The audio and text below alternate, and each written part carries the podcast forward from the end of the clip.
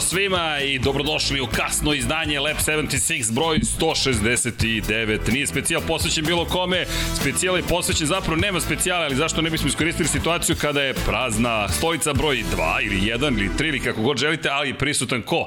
Gospodin Igor Marković i specijal posvećen Igoru Markoviću počinje večeras.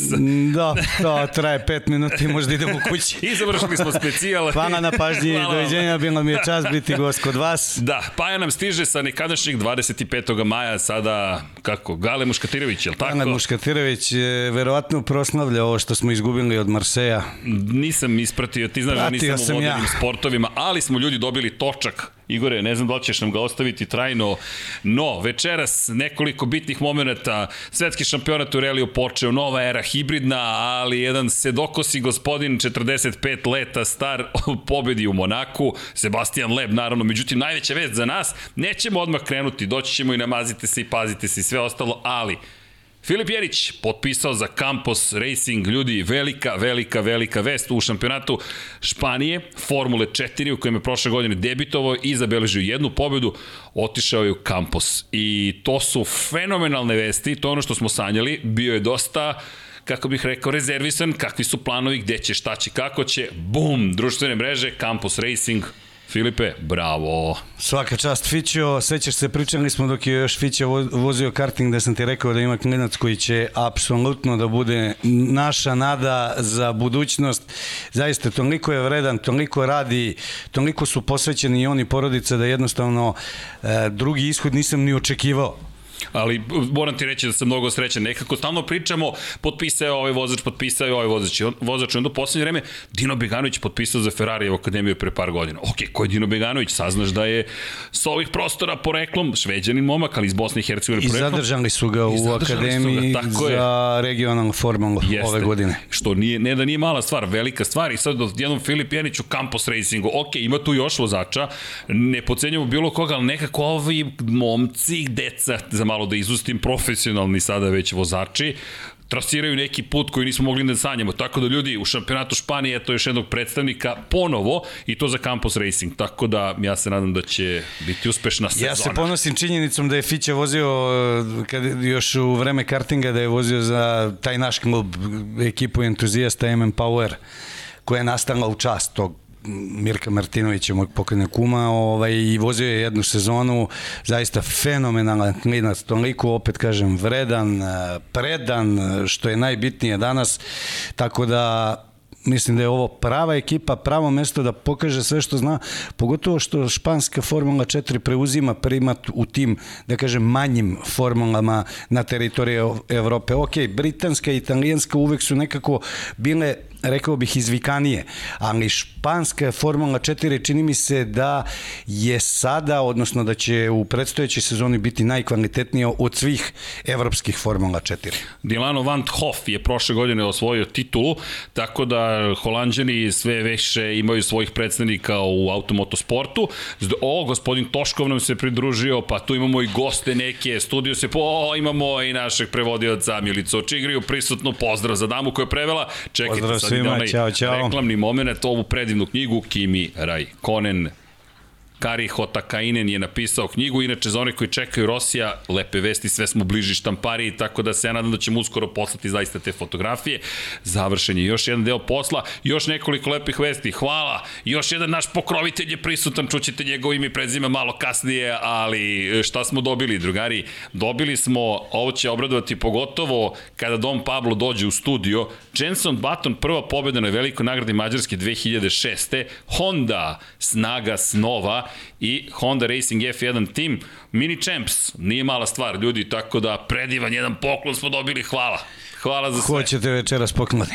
Hoće, dobili smo točak, mada ne znam da li je trajni poklon ili više scenografija. E, pa točak je ovaj, stigao u Srbiju, to je točak sa svetskog rally šampionata, to je točak sa Škode Fabio R5, kako smo vozili Dušan Borković i ja, samo što je ovo fabrička varijanta od Andreasa Mikkelsena koji je sad pobedio u Monte Carlo i aktuelni je prvak u VRC2 konkurenciji i onda je to još jedan penzioner koji je osvojio titul, ali u našem šampionatu Živko Gajić sa ovaj, Ranjotis Nekinog brda uh, ustupio, odnosno uzeo, doneo i sada je ustupio, pa vidjet ćemo ovaj, da li će Žile hteti to da ovaj, da na poklon. Inače, da, Žile, Žile isto vozi hibrid, ovaj, trkački auto, uh, po, pola je trkačkih delova, pola se otpada, tako da... ok, to je ta vrsta hibrida. hibrida. Hibrid pa, hibrid je hibrid, molim. E, ima, i, svaki, se, malo, sve naravno. neka kombinacija. Ali pričat ćemo o hibridima. Desio se Monako, desila se prva trka ove godine u VRC, u svetskom rally šampionatu. Sebastian Leb, ljudi, je pobedio i to će biti jedna od glavnih tema, s obzirom na činjenicu da to zaslužuje veliku pažnju, ali nećemo zaboraviti ni Formulu 1. Uzmite u obzir da je Mercedes izbacio prvi YouTube video za novu godinu, James Ellison je vrlo jasan u, u namerama Mercedesa, to je u izražavanju namera Mercedesa da pokažu da je 2022. godina u kojoj će se vidjeti da nisu na sreću ili na nešto drugo dosvajali titule. Čeka ih izazov, Ferrari s druge strane otkazuje neke testove, pričat ćemo i o tome, niko ne zna kako da protumači nova pravila, pričat će o tome šta piše to zapravo u, jel te, prog, ne hoće reći programu, u, kako bih... To je vodič za stjuarde. Vodič, vodič za stjuarde, kako Ljude se dele kazne koji sude na, tako, tako je, je. Generalno uputstvo, vodič, e, mi imamo u Automoto Savezu Branislava Pijovića koji je član e, Close Roads komisije u FI, e, član je komisije za volantere i eto on nam je ustupio čisto da vidimo kako je izgleda i da objasnimo ljudima da te odluke o kaznama ne dolaze baš tek tako. Nije to neko sad smislio je sad ćemo mu damo 5 sekundi ili 10 sekundi, nego da to ima striktno propisano, ne znam da li će Vanja uspeti to negde da onako zoomira da pokaže, ovaj, ali jedna interesantna uh, tema da se navijači ne preganjaju, e, jeste kazna, nije kazna, jednostavno sve se to negde unapred zna i FIA je uvek u pravu. Čekaj, nemam kontra tek. Vidi kako se kontrolišeš, nema paje da se oslobodiš u potpunosti. Verovatno čeka trolejbus negde pa ne stiže. Pa ne znam, verovatno ovaj, šipka trans je zakazala, ali očekujem ga uskoro da stigne. Sad ćemo da saznamo. Sa sve kapicom Marseja. Misliš da će Marseja da nosi? pa ne verujem da će Zvezdinu. Moram da ga pitam, čuo sam fascinantnu informaciju da, da je bio na moru u Burkini Faso. To je kao da kažeš da si bio na skijenju, ne znam, Bio je na Djibouti. moru Burkini kad je to postigao? Ne znam, to sam čuo tu informaciju. To... Čekam ga da dođe. Ok, dobro, nema svi čekamo veze. Paju. Da. I oni koji su, inače, pozdrav Patreonima koji je postao pokrovitelj, ne bili Paja pročitao njegovo ime, ja se nadam da je naučare poneo. Ukoliko nije, donećemo mu televizor i staviti ovde pred njega, ima da čita vaša imena. tako za da- kaznu što za... kasnije. Hvala za podršku. Inače, nova nalepnica je tu. Pozdrav za ekipu, sa ekipe sa fakulteta, tu je Road Arrow, tako da znate, mi mi smo zvanično sada deo, iako čekamo ugovor, ali rekli su da smo zvanično deo te ekipe, mi ćemo biti Čestitam. medijski pokrovitelji, tako da trudit ćemo se Formula Student da se promoviše još više ove godine i naravno, ljudi, mazite se i pazite se i vozite i vodite računa jedni u drugima. Šta smo rekli? Kimi Raikkonen je tu, Valentino Rossi stiže, kupili smo još neka prava, ali o tome više sutra ćemo da pričamo. Inače imate i nešto što je Domaća radinost crveno i crno, Schumacher, to je Schumacher crveno i crno, tako se zvanično zove. Dejan Potkonjak napisao knjigu, ko želi, shop.infinitylighthouse.com.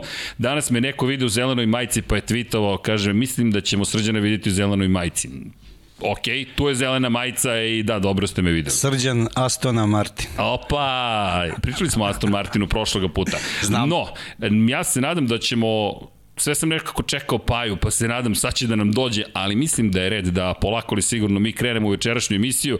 Ljudi, zašto smo pozvali Igora? Ne samo zato što tražite često da dođe Igor, već zato što ima i tekako šta da kaže na temu relija koji se odigrao.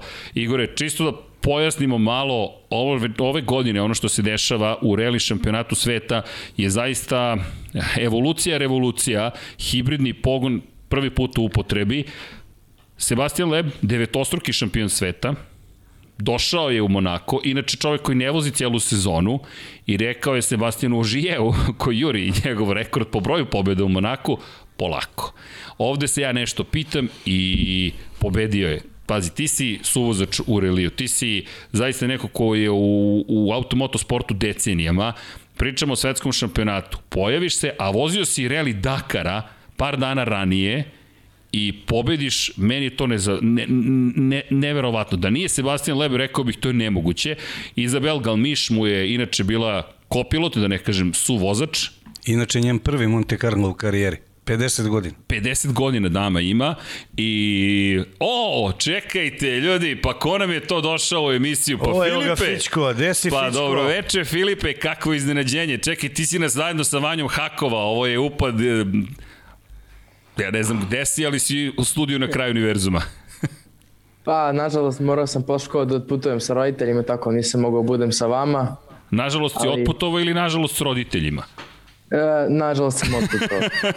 Šalim se, naravno, Filipe, ne zamiri, ali ti si tinejdžer, tako da ne zamiri na mojim pokušajima šala. Ali, pozdravi puno roditelje. Čekaj, Filipe, prvo hvala ti za vreme koje si udvojio. Znamo da nemaš mnogo vremena. I... Hvala vama na pozivu. Ma, molim te, hvala tebi, ovo je ekskluziva, dakle, u Lab 76, Filip Jenić posle potpisa sa Campus Racingom, čekaj, ovde su ti navijači, treći navijač ti stiže, imaš ovde još, svi su ti ovde navijači, prvo aplauz, znam da ti ne voliš, e, još nije ni kračala sezona, ali evo ti aplauz malo, navikavaj se, ej vidi, to su, to su, ti si zvezda, tako, ali polako, Nemoj da ti udari u glavu, idemo jedno po jedno. Prvo, čestitam, to je velika stvar. Campus Racing je veoma ozbiljan tim. Daleko od toga da nisi bio ozbiljna ekipa, ali ta ekipa u kojoj si bio tek debitovala prošle godine, kao i ti, zabeležio si pobedu na predposlednjoj trci sezone u Kataloniji i sada druga sezona u Formuli 4, stižu novi bolidi, jel tako? Imaćete Orel ove godine, ali šta da. kažeš ti? Kako, kako se osjećaš? Pa odličan, e, osjećaj je fantastičan pošto velika je čast biti u takvom timu sa tolikom istorijom. Mnogi vozači Formule 1, Indikara su prošli kroz taj tim.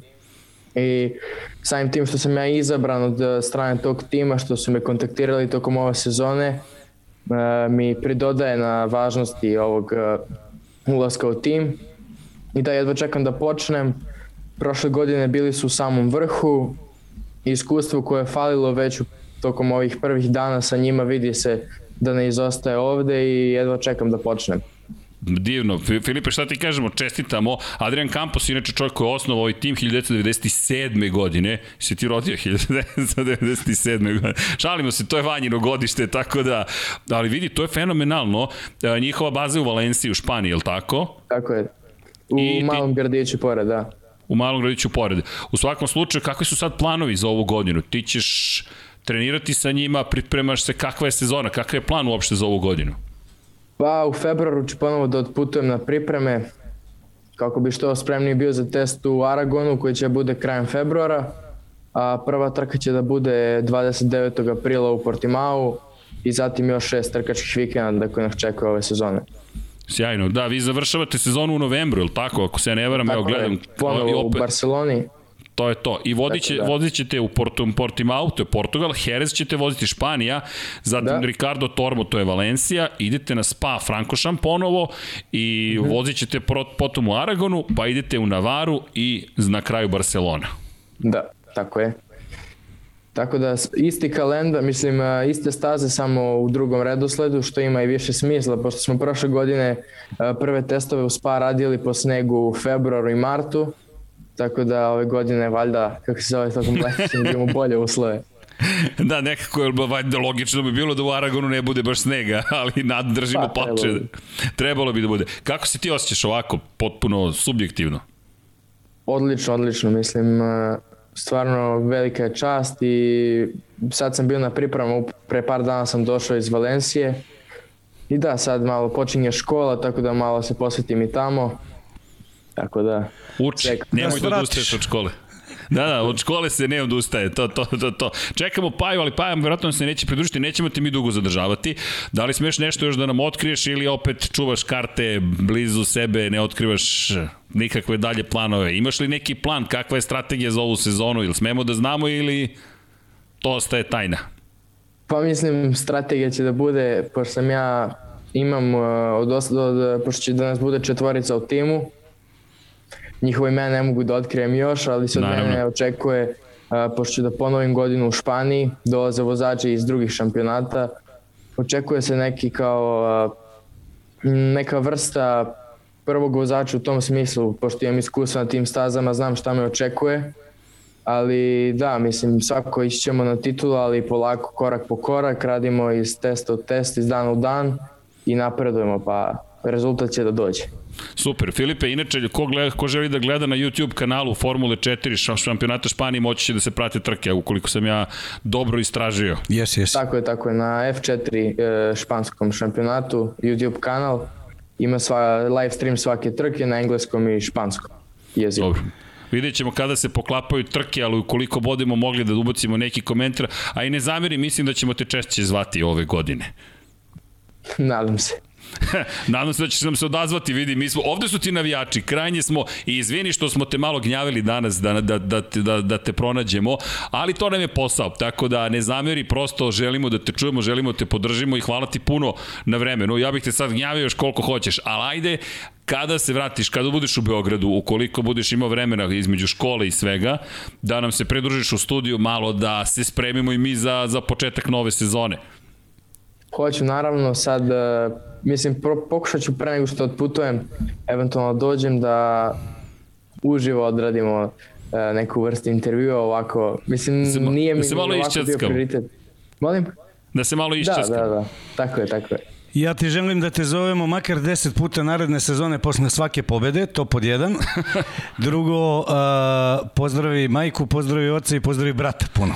Da, pozdravi sve, za, zapravo, dakle, i mamu, i tatu, i brata, i ako nisi čuo, deluje mi da se nisi najbolje čuo. Da, dakle, nisam, žel, nisam. želimo ti, Igor ti požela da te zovemo bar 10 puta posle svake pobede. Tako da, eto, to ti je želja. Inače, znam da ima, nemaš mnogo vremena i hvala ti što si ukrao i odvojio vreme za nas. Želimo ti još jednom sve najlepše, naravno pozdravi puno roditelje i pazi, držimo ti palčeve, sezone tek počinje, mi navijamo, dobili smo dovoljno informacija i hvala ti još jednom do neba. Hvala vama. Ćao, Fričko. Uživaj. Ćao. Doviđenja, vidimo se. Doviđenja, prijetno. Hvala Filipu za ovo, hvala Vanja za tebi, za organizaciju. Ljudi, eto, ekskluzivno, Lab 76, Filip i nas podržao, zvali smo ga, znamo da je na odmoru i s roditeljima, to kad imate 16 godina, ne pitate se previše, morate s roditeljima, a da, danas da mi roditelji neće zameriti na pitanju, ali to... Iz... Nešto danas priča smo o tome. Prisjećam se kada imaš 16, pa kao moraš s mamom i tatom, stvarno, da. Okay, da, a kad imaš 46, pa mama i tata... Ti I onda moraš neki... s mamom i tatom, ali iz drugih pa razloga. Ti, pa ti im nešto kaže, ti će me uči, pa ja te napravio, ti će meni da pričaš. Da, ali ovo da, je divno. Šta ćeš, ćutiš. Ne, vidi, i hvala Filipu za, za ovo uključenje.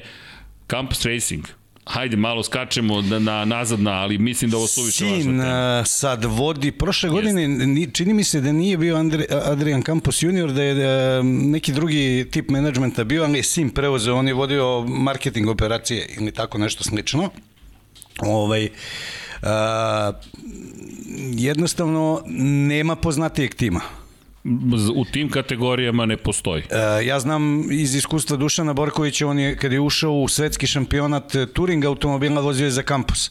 To je bila jedna jako lepa saradnja. Iako je bila prva sezona, iako nije bio baš konkurentan auto, tada je vožen Chevrolet Cruze, imao sam priliku da upoznajem neke ljude. Jesu pogrešili, ja nikad neću zaboravim tu prvu trku u Maroku, kad se nismo izonesvešćivali svi trkački inženjer je pogrešio. Bila je ona varijanta puštanja faktički na minut. I on je ušao u poslednjih pet u kvalifikacijama i jednostavno nije ni vozio krug jer je inženjer pogrešio, nije na vreme dao znak da izađe. Tako. Ali dobro, to su stvari, žive stvari koje se dešavaju. Trkanje. Mislim, Ožije na poslednjem brzincu u Monaku startuje 10 sekundi ranije. Znaš, tako da to su sve žive stvari koje su jednostavno nepredvidive, od želje, nestrpljenja i na kraju ti to dođe kao jedno veliko iskustvo. Da, inače, za one koje eventualno ne znaju ko je sve vozio i ko sve vozi za, za ovu ekipu, ja ću spomenuti neka od imena, mada ih ima baš dosta, ali evo, na primjer, samo za ovu godinu, ako se okrenemo na, ka, ka Formuli 2, Jean-Luca Petekov, Mateo Nanini, David Beckman, Oli Coldwell, Ralf Boschung. Dakle, mi govorimo o vrlo ozbiljnim imenima. Za one koji žele nešto zvučnije imena iz nove generacije vozača, Jack Aitken mislim da nije loše spomenuti, Lando Norris, neki Lando Norris, ne znam. Tamo neki Lando Norris. Da, no, da. je vozio za tu ekipu, Roberto Merhi, čisto da znate gde, u koje društvo bi mogao, mogao potencijalno da uđe Filip i ovo je zaista velika stvar. Za vreme života Adriana Camposa on je više puta pokušavao čak da uđe u Formula 1. Poslednji pokušaj je bio sa akvizicijom, preuzimanjem uh, ovog um, Hispanije, tako Da, baš? Hispanije.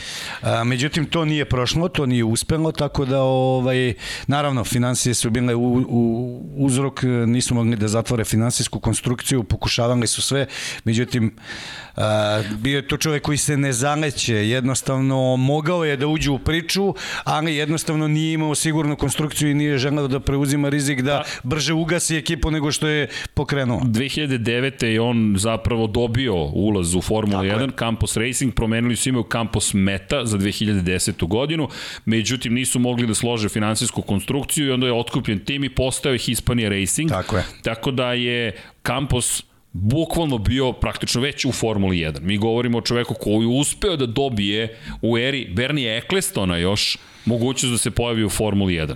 Govorimo o nekome koji je bio vrlo, vrlo ozbiljno organizovan i zaljubljen u automotosport. To je, rekao bih, veoma značajno. Po pa bivši vozač Formula 1, Jest. kakav god da je, za Minardi je vozio koji je bio potpuno nekonkurentan, ali je on definitivno imao svoje svetlne trenutke, osvajao e, bodove, ne toliko često, ali jednostavno ipak je ostalo veliko pre svega vozačko ime, a onda nije želeo da bude e, nedovoljno zreo da uđe u Formula 1, da bude dana baba dinar, da uđe u kola 2 da izađe. Tako je. Jednostavno nije dao taj dinar da uđe i tu se priča završila, ostao je veliki u Turingu, u nižim formulama, formula prvo 3000, pa sad 2, 3, i evo masa vozača, što ti kažeš tamo neki Lando Norris i Jack Aitken i tako tako neki vozačići su izašli iz njegovog tima i sada eto članovi su Williamsovih akademija, McLarena i tako da. Pa i Aleksandar Rossi je vozio za, za ekipu, Jest. za one koji ne znaju Rossi koji je pobeđivo na 500 milija Indianapolisa, to su sve vrlo zvučne imena. U svakom slučaju čestitke Filipu Jeniću i držimo palče. Čuli ste ga ko nije, pogledajte Lab 76 kada je gostovao i šta je sve pričao čovek koji je momak, koji je vrlo zreo, pogotovo za svoje godine, koji ima jasne planove i ko ne voli da trči pred rudu. I činjenica da je izgovorio da od četiri vozača je on de facto broj 1, zahvaljujući tome što je jedini sa iskustvom i što se od njega očekuje da se bori za titulu,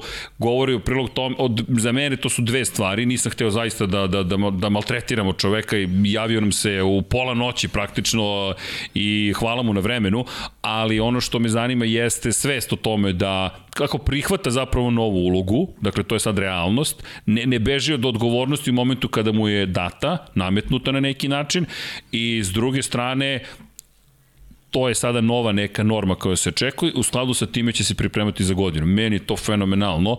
Naravno, automoto sport, život, sport generalno traži mnogo toga. Filip verujem da ima to što treba da ima, a mi ćemo ovde navijati A mi je ovaj, rekao, dobro sam ispratio polako, idemo trka po trku, pa u napad na titul. Da, ne, vidi, čekamo, me čekamo, ima šta to znači. Pa ja kažem da je jedno deset puta, makar da mu dosađujemo, da mu se izvinjavamo deset puta, da ga zovemo posle svake pobede. Tako Ali, da...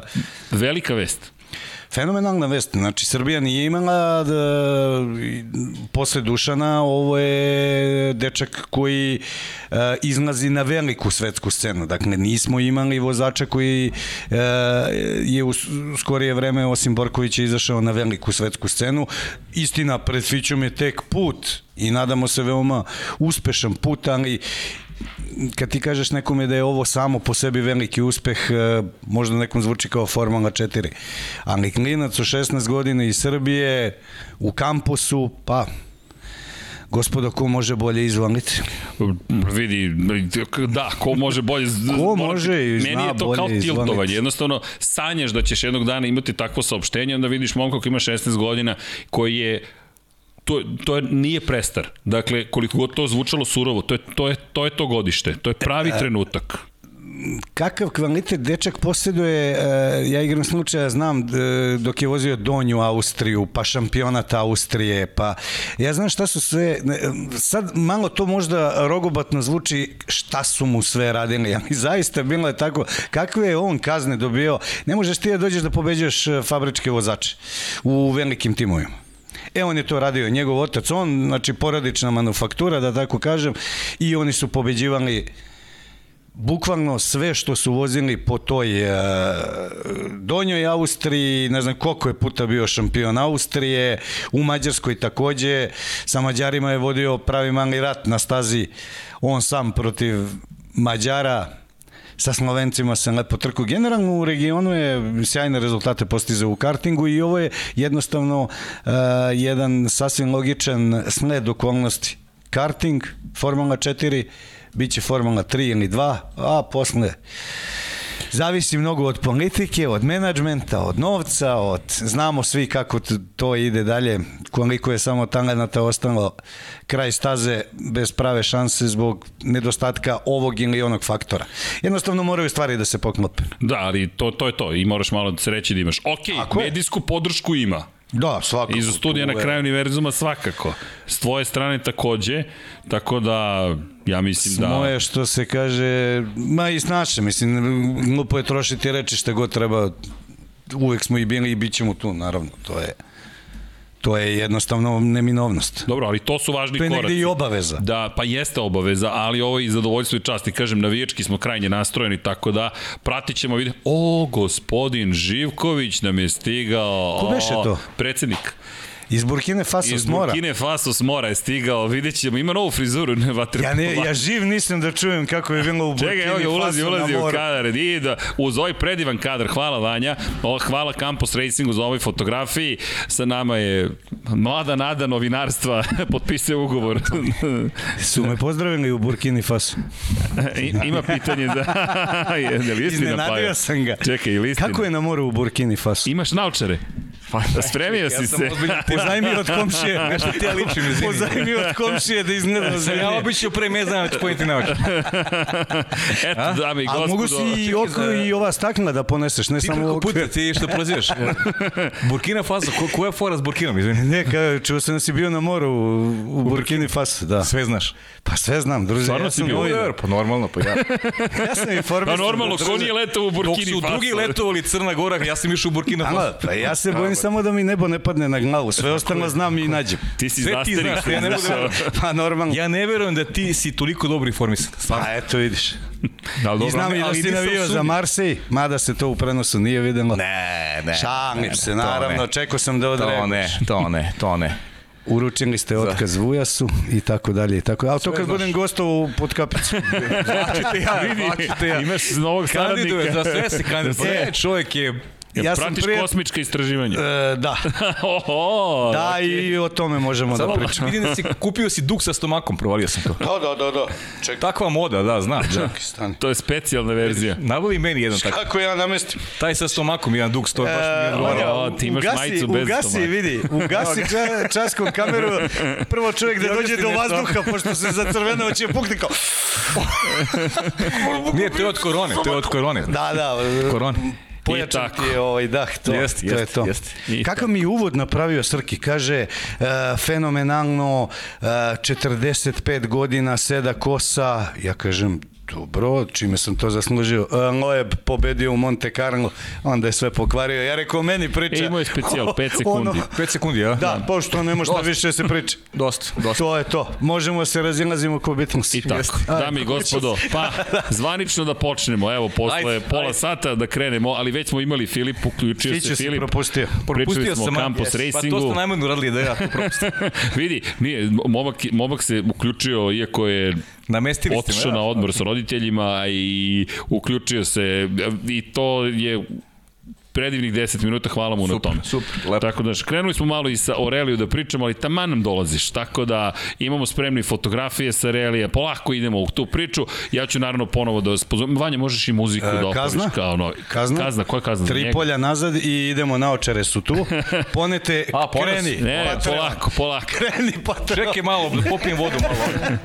Evo malo muzike Čekaj malo, za bre. veselo raspoloženje. Pa, dame i gospodo, ja se nadam da ste zadovoljni. Lab 76, mi ne kasnimo, mi samo pomeramo vreme. Ne, Paja sa... kasni, Paja kasni. Ne, ti nikad ne kasniš. Ja ti kažem, pomerili smo vreme. Negde je 21.00. A rekli smo upravo u ovom 22:30. trenutku.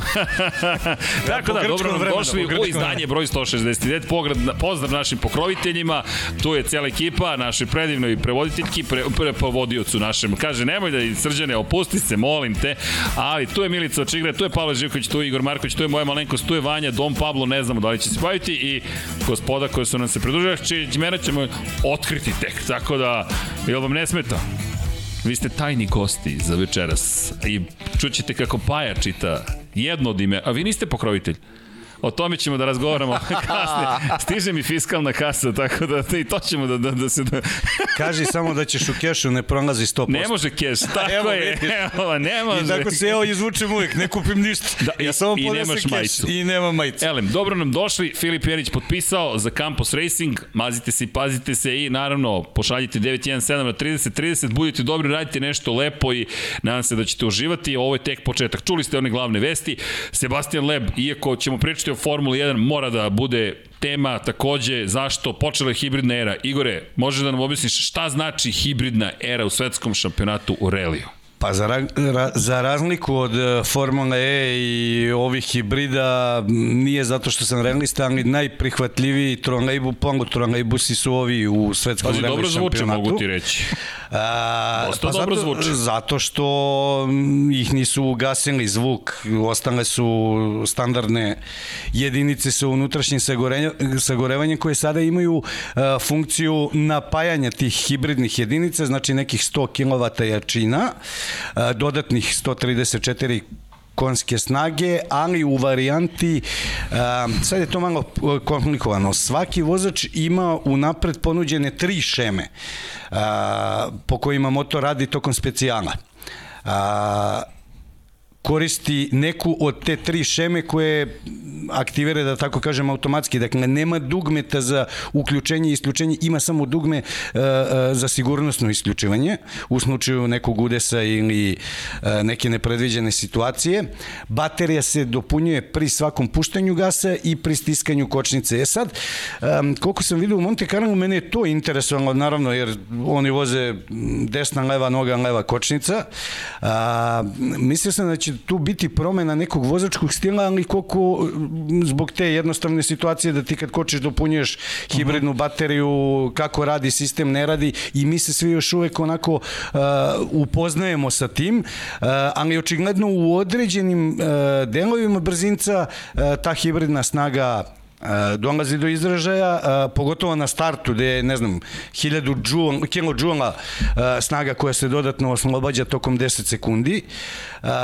Obaveza je da u zoni ceremonijalnog starta, u zoni servisa ideš isključivo na, na žicu, na trolejbus.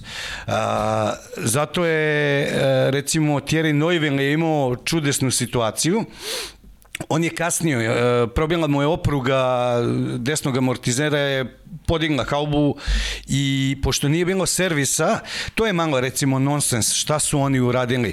E, I to je upravo i Neuville i Ožije i ne znam ko još kritikovao.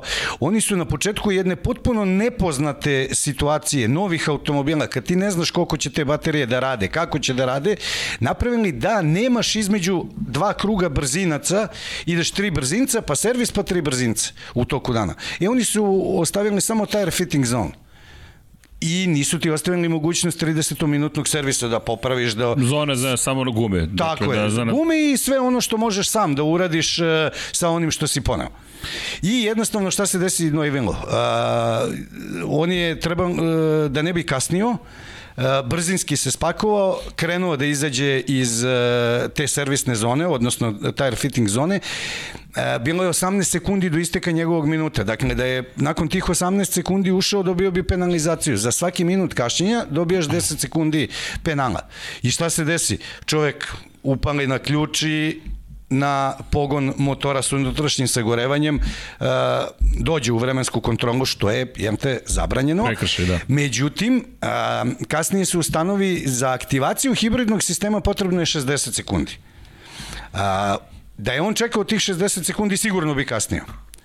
I sad kao njemu su tu nešto progledali kroz prste, mala neka novčana kazna, jel, ipak je morao da bude kažnjen, ali svakako situacija za nauk i za organizatore i za FIU i za timove. Dakle, moraš da bi izbegao kaznu moraš makar minut ranije da startuješ auto, da pokreneš sve te baterije i ta čuda, da bi izbegao jednostavno tu penalizaciju. Inače, ide to izgleda dobro, pošto je pre toga dobio 900 evra kazne za prekoračenje brzine. Dakle, ima, ima potencijala u toj struji, ali i dalje je ostao zvuk, i dalje je ostao, ti ne, ne, ne vidiš Samo... uh, taj hibrid kao u Formuli E, ove fenove za kosu. Ali... Uh, ovo se čuje, radi lepo, ide dobro, uh, na pojedinim delovima oni oslobađaju umesto standardnih e, ne znam, 380 e, idu negde do 520 konja.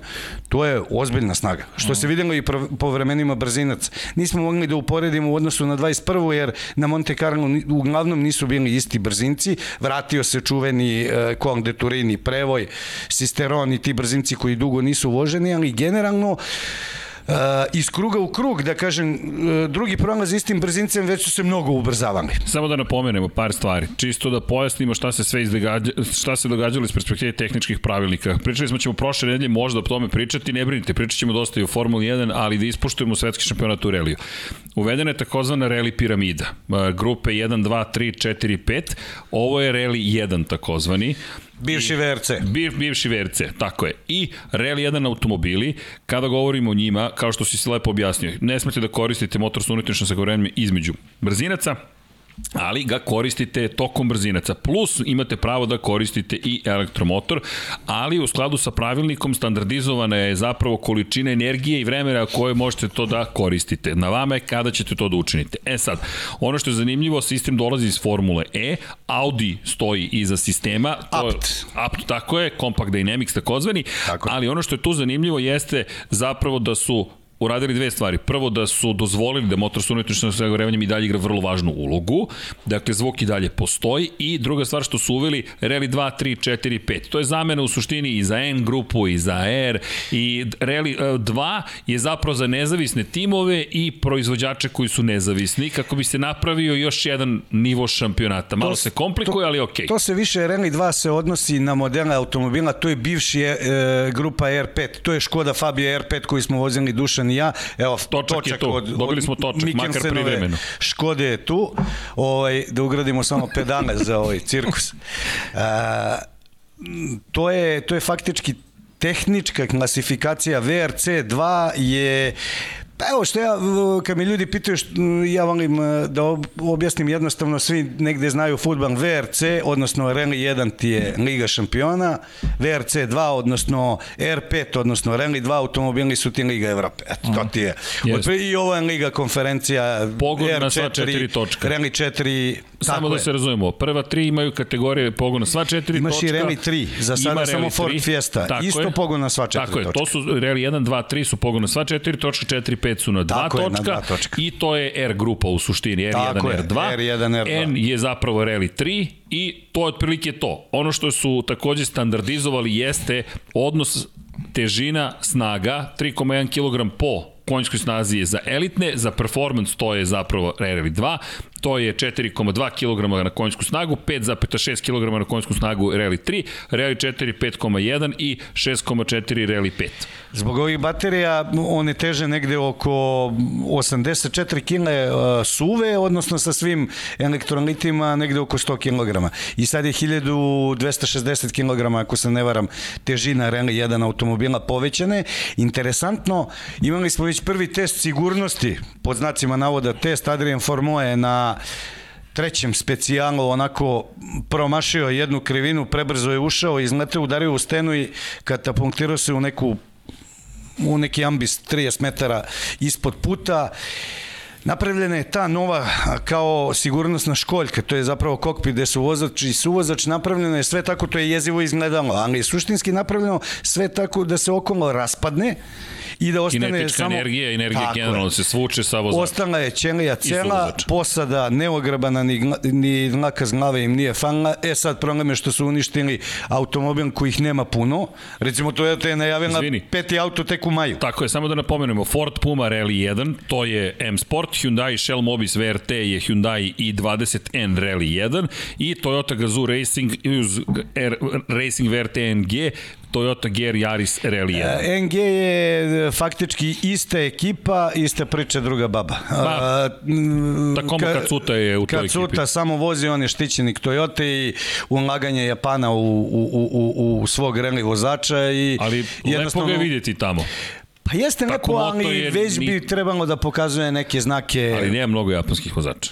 Mm, pa Toshi Araya nema jednostavno Nikog. Bio je pre toga neki ozbiljniji u reliju Kenjiro Shinozuka. On je vozio Mitsubishi i nešto malo relija i uglavnom je Dakar vozio. Izvini, prekinu te, rekao si trebalo bi već da pokazuje Pa znake neke, napretka? m, ne, pokazuje znake napretka, ali sa tim automobilom ja sam očekivao malo više od njega. Malo sam više očekivao za sad samo jedan podijum na Safariju koji više nije to što kad ti kažeš Safari rally pa brzinac od 100 i nešto kilometara, to nije više ta priča. I iskreno rečeno, zahvaljujući pre svega odustajanjima drugih posada, ovaj, Japanac je došao do, do tog prvog i za sada jedinog podijuma u karijeri.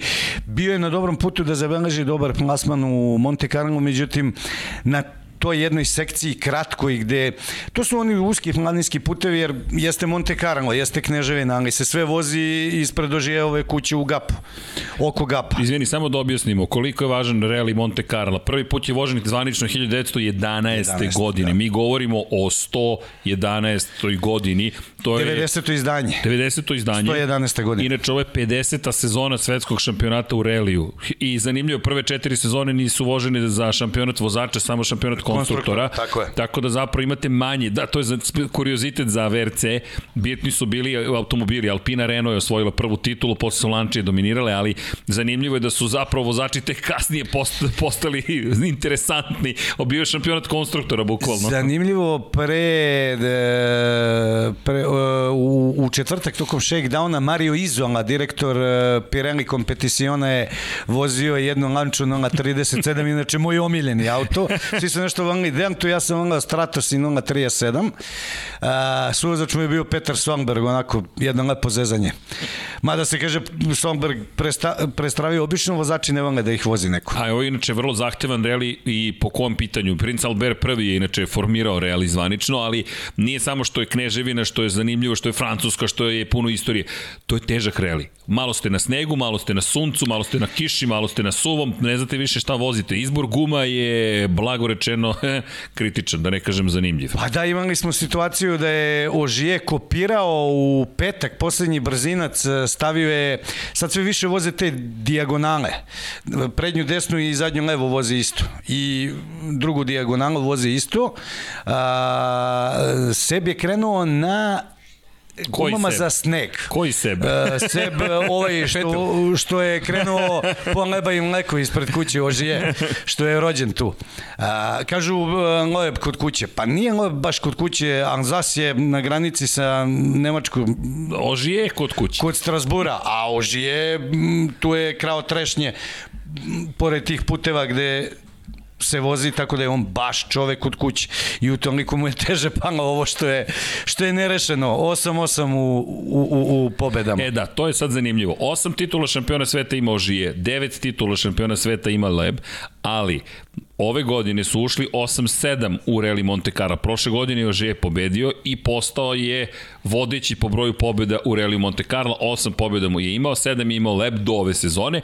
Jean Trevo, Sandro Munari, Walter Rorl i ima. McKinnon po četiri pobede, a Didier Oriol, čuveni Didier Oriol, za one koji ga ne znaju, raspitajte se, Carlos Sainz, još jedan čuveni čovek, po tri pobjede i onda Bjorn Valdegard, Erik Carlson i Miki Biazon po dva triumfa. Ljudi, od 1911. do sada, malo je vozača bilo toliko impresivnih, da ne govorimo o Lebu i o Žijeu, to oni su nestvarni, su dve decenije dominacije Francuza i ovo je U njihov... 18 godina 17 titula. Tako je, ovo je njihov lični duel. Ovo je duel bukvalno i to se znalo. U Dakaru je Leb, ali stiže u Morelli Monte Carla u Fordu, ja se radim, imamo fotke možda Vanja, to Vanja, dakle, pogledajte kako taj automobil izgleda, moram ti priznati da sedim i gledam, razmišljam, čekaj, unutra je Se- Sebastian Leb i izgleda kao reli automobil, izgleda I nije sve- više Daniel Lena. Da, i to je takođe On važno. mu je bio tata, mama, direktor škole, sve. Vodio je računa o svemu. Dama- Ova dama, dama. se zove Izabel Galmiš ima 50 godine i ovo je verovano ili ne prvi Monte Carlo, inače je vozila pet ili šest uh, relija u svetskom šampionatu. Ja mislim da je poslednji neki Jean-Philippe Roux je s njime vozila, ne znam koji je reli, 2017, to samo privatnik sa parama, mislim, D, DS3, VRC, ta, to je 2017. 18. Ali je žena koja uh, dve, dve i po decenije non stop uz Loeba. Uh, ona je takozvana Grevan Crew, ona izvidnica koja ide pre uh, pričali smo kad, su, kad sam se vratio iz Hrvatske ko je sve izvidnica, kakva sve velika imena, meni su oni bili interesantniji nego, nego ovi vozači kakva su imena sve u izvidnici. Izabel često pravi uh, zabeleške, mi to zovemo radar dakle to su krivine koje čitaju i neverovatne uh, uh, kako se to izgleda, kako to zvuči, šta ti čitaš? Auf, to je sad. Auf, auf. To će morati sednemo da nas provozaš. Pa, ne. Pa ne, to je super. ne, ne, to je super, to i treba pričati sad. Može, a, znaš šta, je, kako ti kažem, teško, te, teško je to ljudima da ukapiraju, oni čuju, ali kako ti dođeš do svega toga, to je, to je poenta priče. Šta znači taj broj? Svi misle da su to brzine. Ne, to nisu brzine u našem slučaju, uglavnom pričam konkretno sad uh, uh, uh -huh. Dušan Borković i ja kako radimo, to nisu brzine, to su opisi krivina gde ti je jedan najbrža ili ti je šest najbrža, zavisi kako ko vozi, ja mogu da vozim oba radara, meni to nije problem. A, zašto jedan? Otprilike po položajima volana. Jedan, uh -huh. dva, tri, četiri, znači E sad, da li je, ne znam, desna 1, 1, 2, da malo zatvare. Zato kažem, to je onako, baš ozbiljna priča, ozbiljna nauka i ozbiljna teorija i to jednostavno moraš mnogo da voliš. Šumacher je rekao, sve u životu, ovaj majmunski točak u cirkusu bi vozio. Suvozač da budem nikad u životu. Kada da mene neko vinta tamo, e, ja držim onu svešticu kad izlećemo, ne, hvala, kao, to, to, to nikad, nema šanse. I oni su jako posvećeni svom poslu. Izvini, Srki, e, spomenuo sam Izabelu Galmiš. A, završili su reli. Iskočili su sad, kako ide televizija, na krovo. E, počinje da daje izjavu. I ona naskače na njega i kaže mu, ajde vreme, I čovjek automatski prekide izjavu, ovi skaču, izabijam tvoje impresije. Ma nju ženu ne interes. Ona ima svoj posao. To su ozbiljni onako ljubitelji ludaci koji ne vole puno da se slikaju, da pričaju. Ona je Tako... tvoje fazo, znači. Da, Na trci, na trci. Ma nema šanse. Ovako možemo. A, okay, kad vidim da, da. tebe i dobijem inspiraciju. Da, da, da, znam. Ali da, zbog paje. Na trci da, da. nema trika. Dok ti nisi došao čutao je. Pa znam, on je progovorio. Ne, nisi mogo da ga Ne, ja sam, ovaj, ja sam protestovao što nisi tu. Pa znam. Što si otišao da, u kafanu. Što si otišao u kafanu bez mene. ali vidi, Izabel je od 2012. bila zapravo zamena za Elenu i ona je povremeno radila sa, sa Lebom. Tako da nije da oni se nisu ne poznavali, ali... Kažem, već 20-25 godina ona to da, radi. I ovo je vrlo teško, ali svaka im čast, prva pobjeda istorijska u hibridu, meni je potpuno fenomenalan taj lični duel između Ožija i njega, zato što daje priču reliju koja mislim da nedostaje. Uz svo dužno poštovanje prema svim ostalim zvezdama i šampionima, Leb je pokrenuo opet lavinu interesovanja za prvenstvo. I ti sad pričaš, mi ne znamo da će on nastaviti, najvjerojatnije neće ni jedan ni drugi. E, Njihov plan je, hoće, To su najnovije informacije, ali posle Opa, če, ne, ne, ne, ne, čekaj, čekaj, ajde, ne može... Hoće, hoće, ponadali smo se svi da je asfalt u Hrvatskoj, znaš, pa će kao možda on da vozi, međutim, on ima, on je faktički ustupljen vozač pro drajva. Dobro. Uh, jer on vozi ne samo svetski rally ride, cross country šampionat. Dakar je deo šampionata. Da. Uh, on vozi Extreme E. U koji McLaren inače isto ulazi. Mm, to, a, vidi, znaš koliko me ne interesuje.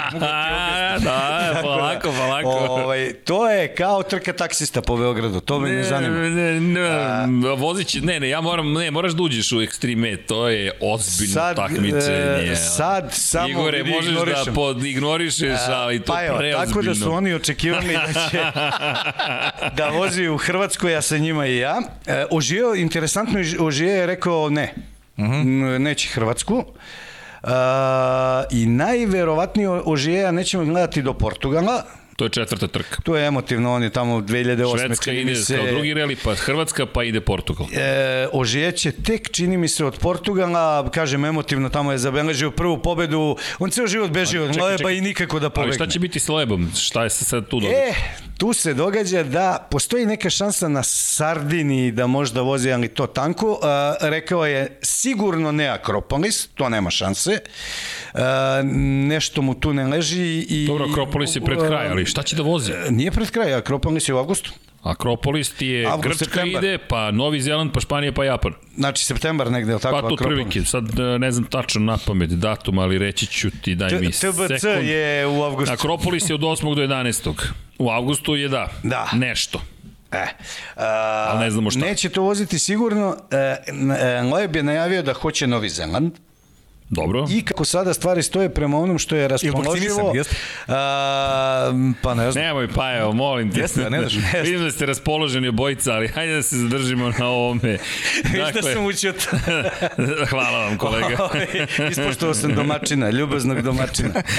I, a čekaj, Ovaj, gde će da vozi? Samo Rekao govoriš ti, neće. Novi Zeland i verovatno, naravno, Katalunja tamo ima devet Dobro, to je pobjeda, sve kraj 10 sezone. podijuma, nešto, Da, da, nadobio je brzinaca. Dobro, ali neće ući u šampionat da se bori E, za Neće sigurno Estoniju i Finsku, to je. Dobro. rekao da neće. E sad postoji tu možda uh, uh, varijanta, zavisi šta bude TBC. Ako bude IPR, verovatno ovaj, će voziti IPR jer nikada apsolutno nije vozio tamo. Dobro.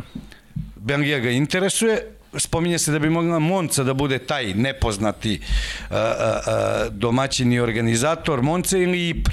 I verovatno će oba ta relija voziti. Plan je da vozi negde četiri takmičaja, dakle još tri do, do kraja godine. Od prilike Novi Zeland, to je Mantene po- potvrdio. Uh, Japan, vrlo moguće s obzirom da je asfalt. I sad tu, da li će Katalunju, da li će taj TBC, što ja kažem, to be confirmed, mm. tako da, a Ožije, mm, osim Portugala, verovatno Japan i to zbog mar marketinške promocije Toyota, i možda i on Novi Zeland, ali otprilike to je to negde što, možda Grčku, Eto, otprilike neka četiri relija će i on voziti, on realno nema šansu da, da sustigne Leba po, po broju titula. Kažem, svako ima neki svoj usud u životu, u Ožijevu je to verovatno njegov imenjak. Zbog njega je otišao iz Citroena, posvađao se sa ljudima u Citroenu, zbog njega je stalno nešto jurio, pa si da je išao u neke druge timove. Evo sad mu je izjednačio rekord i neće verovatno stići a, a, devetu titulu, tako da to je to otprilike što se tiče dva Loeba. Inače, Sebastian Loeb je postao naj, najstariji pobednik svetskog šampionata. Hvala ti za onaj divni uvod kad sam mislio da sam ja. Ja. Ima 47 godina. Znači, Izabel i on 97 godina, jedan dobar starac, fočo od stotinu ljeta je pobedio Da, ja sam rekao 45, 47, oprosti. 47 godina, da. Ovaj, I dalje može da pravi piruete, skače, ide na rukama bivši gimnastičar. To je dokazano na ciljnoj rampi, sa onim saltom unazad iz mesta. Ne znam da ste to videli. Fenomen. Vidjeli smo, da, da, stao je Ja. pored kola i salto unazad. Čovjek gimnastičar. Salto unazad, pa jo, 40, 47 godina. I građan je onako mali iz depa, sav vidiš da, da tačno bivši gimna, kao ti. Jeste, zbog toga može da uradi Johnny- Johnny-. Osim što, Johnny Depp. Je. osim što su ti izbjegli mišići. Pa da, to je. Da, ali, ali preozbiljan rezultat. Preozbiljan. Zaista, preozbiljan rezultat. Mi se malo šalimo, međutim, činjenica da je pobediti u Monte Carlo, izjednačiti se sa Ožijeom A pobediti bilo gde bilo gde, i još u hibridnu eru otvoriti 50. godina jubilej, baš se vidi da je konkurentan čovek. Gus Greensmith se radovao svo, svom prvom osvojenom specijalu kao da je pobedio ceo rally i osvojio šampionat. Jeste. Tako da zamisliš šta znači da, da, da pobediš uh, u, u, u svetskom rally šampionatu. Jednostavno mislim da ovaj hibrid ima, ima ovaj, uh, uh, ima budućnost, oni imaju i potpuno, što ja kažem, veštačko gorivo. Uh, održivo, jel tako se to kaže moderno, Srki? Održivo, održivo. Da, Gledam ovaj- šta nam se zbilo i sve okej, tu smo. Uh, ima to održivo gorivo, dakle, jako rade na toj ah, ekologiji. Već smo pričali. da, već smo pričali. Ovaj, ali ako ne budu mnogo fantazirali, ako samo budu malo usavršavali ove hibridne uh, uh, uređaje, kažem, izdržali su crash test do 70G, to, to kućište iz, izdržava udarac i zaista je izdržalo u formovom pa, Pazi, automobilu. tri godine, izvini, tri godine je za sada naredne tri godine sve zamrznuto što se tiče razvoja. Software, standardizovan, standardizovan je i hibridni sistem je standardizovan, tako da ti u 2022. i 3. 4. nemaš izmjena po tom pitanju. U pokušaju da se ograniči zapravo potrošnje, da se budžeti nekako stabilizuju. Ono što mene raduje, sve to navodno u cilju smanjenja uh, koštanja automobila, tehnike i generalno je skup logistički putovanje i sve ostalo. Uh, skup je kao samo takmičenje, a kamali za ekipu koja broji ne znam koliko članova.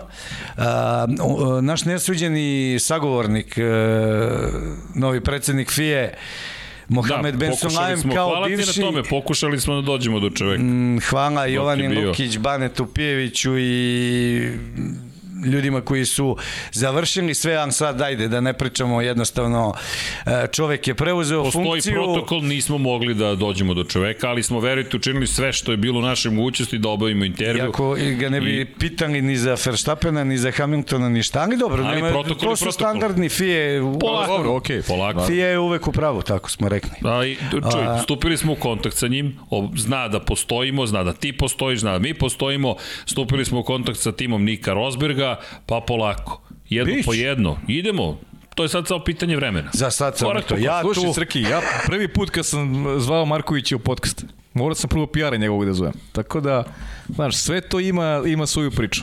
Da pita ženu, to će me pustiti. To su to mu je dozvolio. To su ti ovaj poznati, te poznate ličnosti, moraš s njima tako. Pitam Kevu. Jasno. Mogu da idem. Uh, šta hoću ti kažem, on je bivši realista, 14 puta je bio šampion uh, Bliskog A Reli će mu biti fokus. I njemu će Reli biti fokus i u to ime da, ja glasam za njega apsolutno, kao realista. Uh, naravno, svi volimo formalno i sve to u redu, to je ono pinnacle motorsporta, ali jednostavno rally je ipak kraljevska disciplina, ima svega, moraš da si brz, da si pametan, da si ne zato što smiren. Si ti tu, nego zato što je tako. Je tako. Pa jednostavno je tako. Ne, šalim se, ali ostavio sam krunu tamo iza tebe. Ne, da, tu je. Ne, preozbiljna disciplina i uopšte se ne šalimo, ali prebacit ćemo se naravno i na Formulu 1. Igor, imaš još nešto da dodaš, apropo relija? Imam ja svašta da dodam, nego ovaj, sad ne znam šta vas zanima. Imam da dodam da je recimo interesantno da kako se razvijao COVID, tako se razvijala i Ford Puma je, Rally 1 krenuo je razvoj kada je krenula tad su počeli tad su počeli da Ovo neverovatno inače... recimo Malcolm Wilson čuveni Malcolm Wilson vlasnik M Sporta da. koji verovatno e, nije zaplakao kad mu se dete rodilo je kao kiša plakao posle ovog renlija jer vidi od 2018. oni ne da nemaju pobedu uh mhm. -huh. nego ne znaju za podiju to stravične dve sezone posle odlaska Ožijeja, te titulne 17.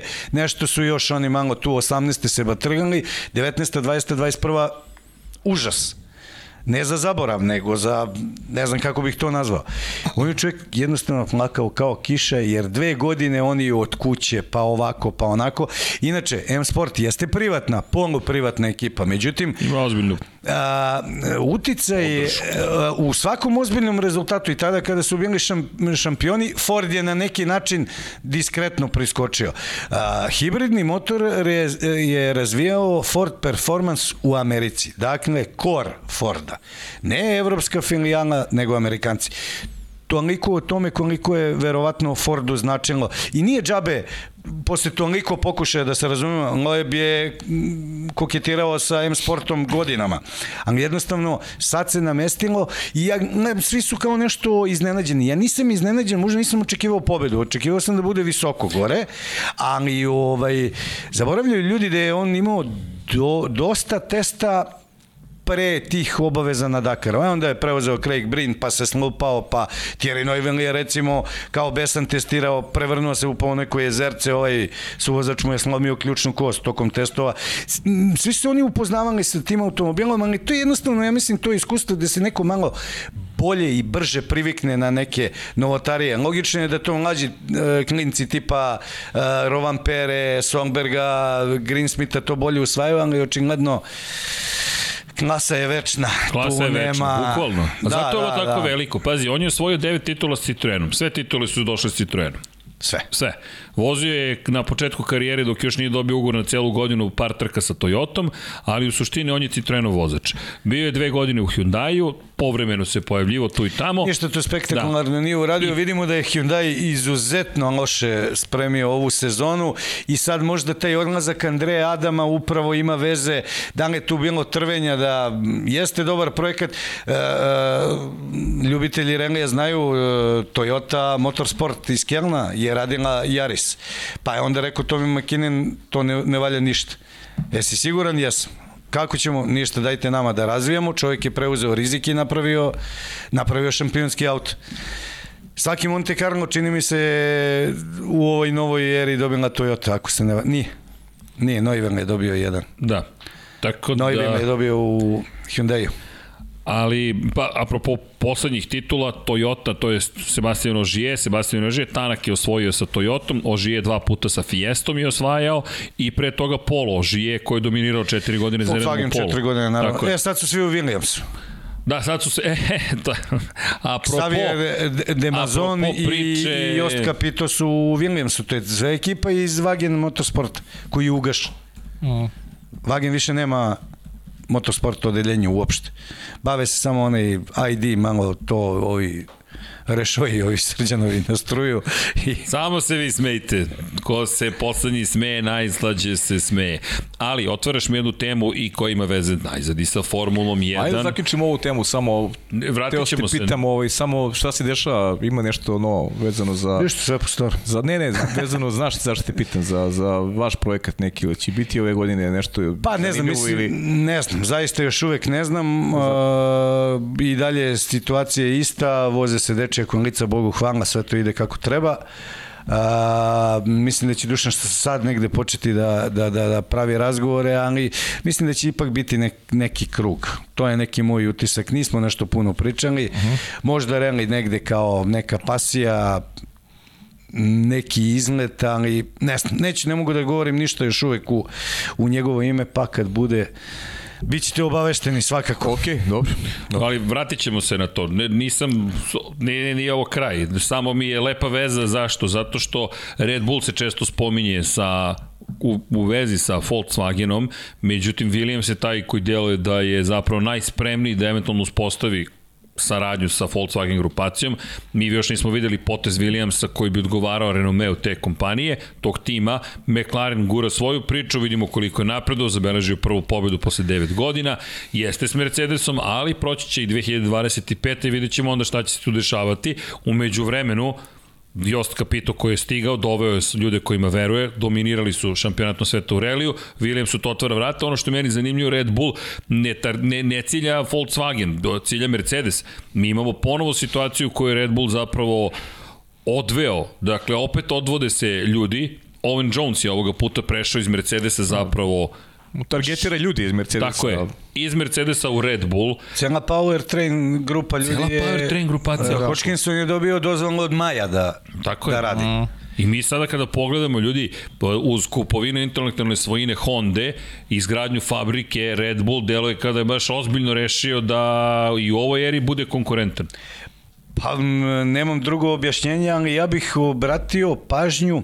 Meni je onako za oko zapala jedna vest koja ne mora znači ništa, a može mnogo toga da znači. Ne znam da li ste za, e, primetili, odnosno čuli da je e, Williams najavio prodaju e, svog dela Advanced Technologies. Moram ti pristiti da nisam to čuo dobro. 164 miliona funti.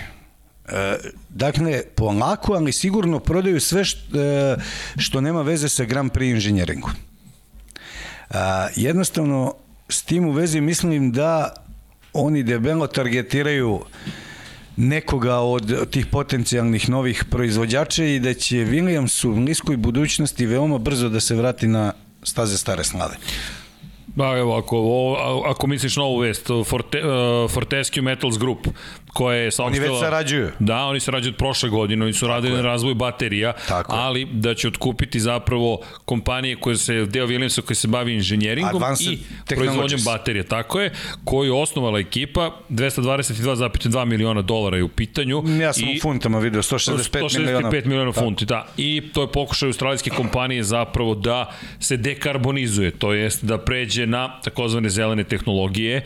Tako da je to zanimljivo, morate pristati da nisam znao. Ja sad vidim saopštenje za javnost. Ali taj potez može da govori mnogo da se oni okreću trkanju. Trkanju trkanju, jer ovo su sve, oni su izašli na Vraćamo se, Frankfurtsku berzu, se okreće. Tako kada, je. pre desetak godina. Tako je, prvi tim koji je izašao na da, da berzu. Da, prvi tim koji je izašao na berzu je bio Williams Ali i to u Nemačkoj. Ali su u debelom zaostatku u odnosu na ostale da bi to... Da pa gledaj, ova, ova nova era, e, čak je da i Binoto i Ellison i svi živi kažu ljudi, Nećemo ništa znači... Da će nova era da donese neke krupne promene?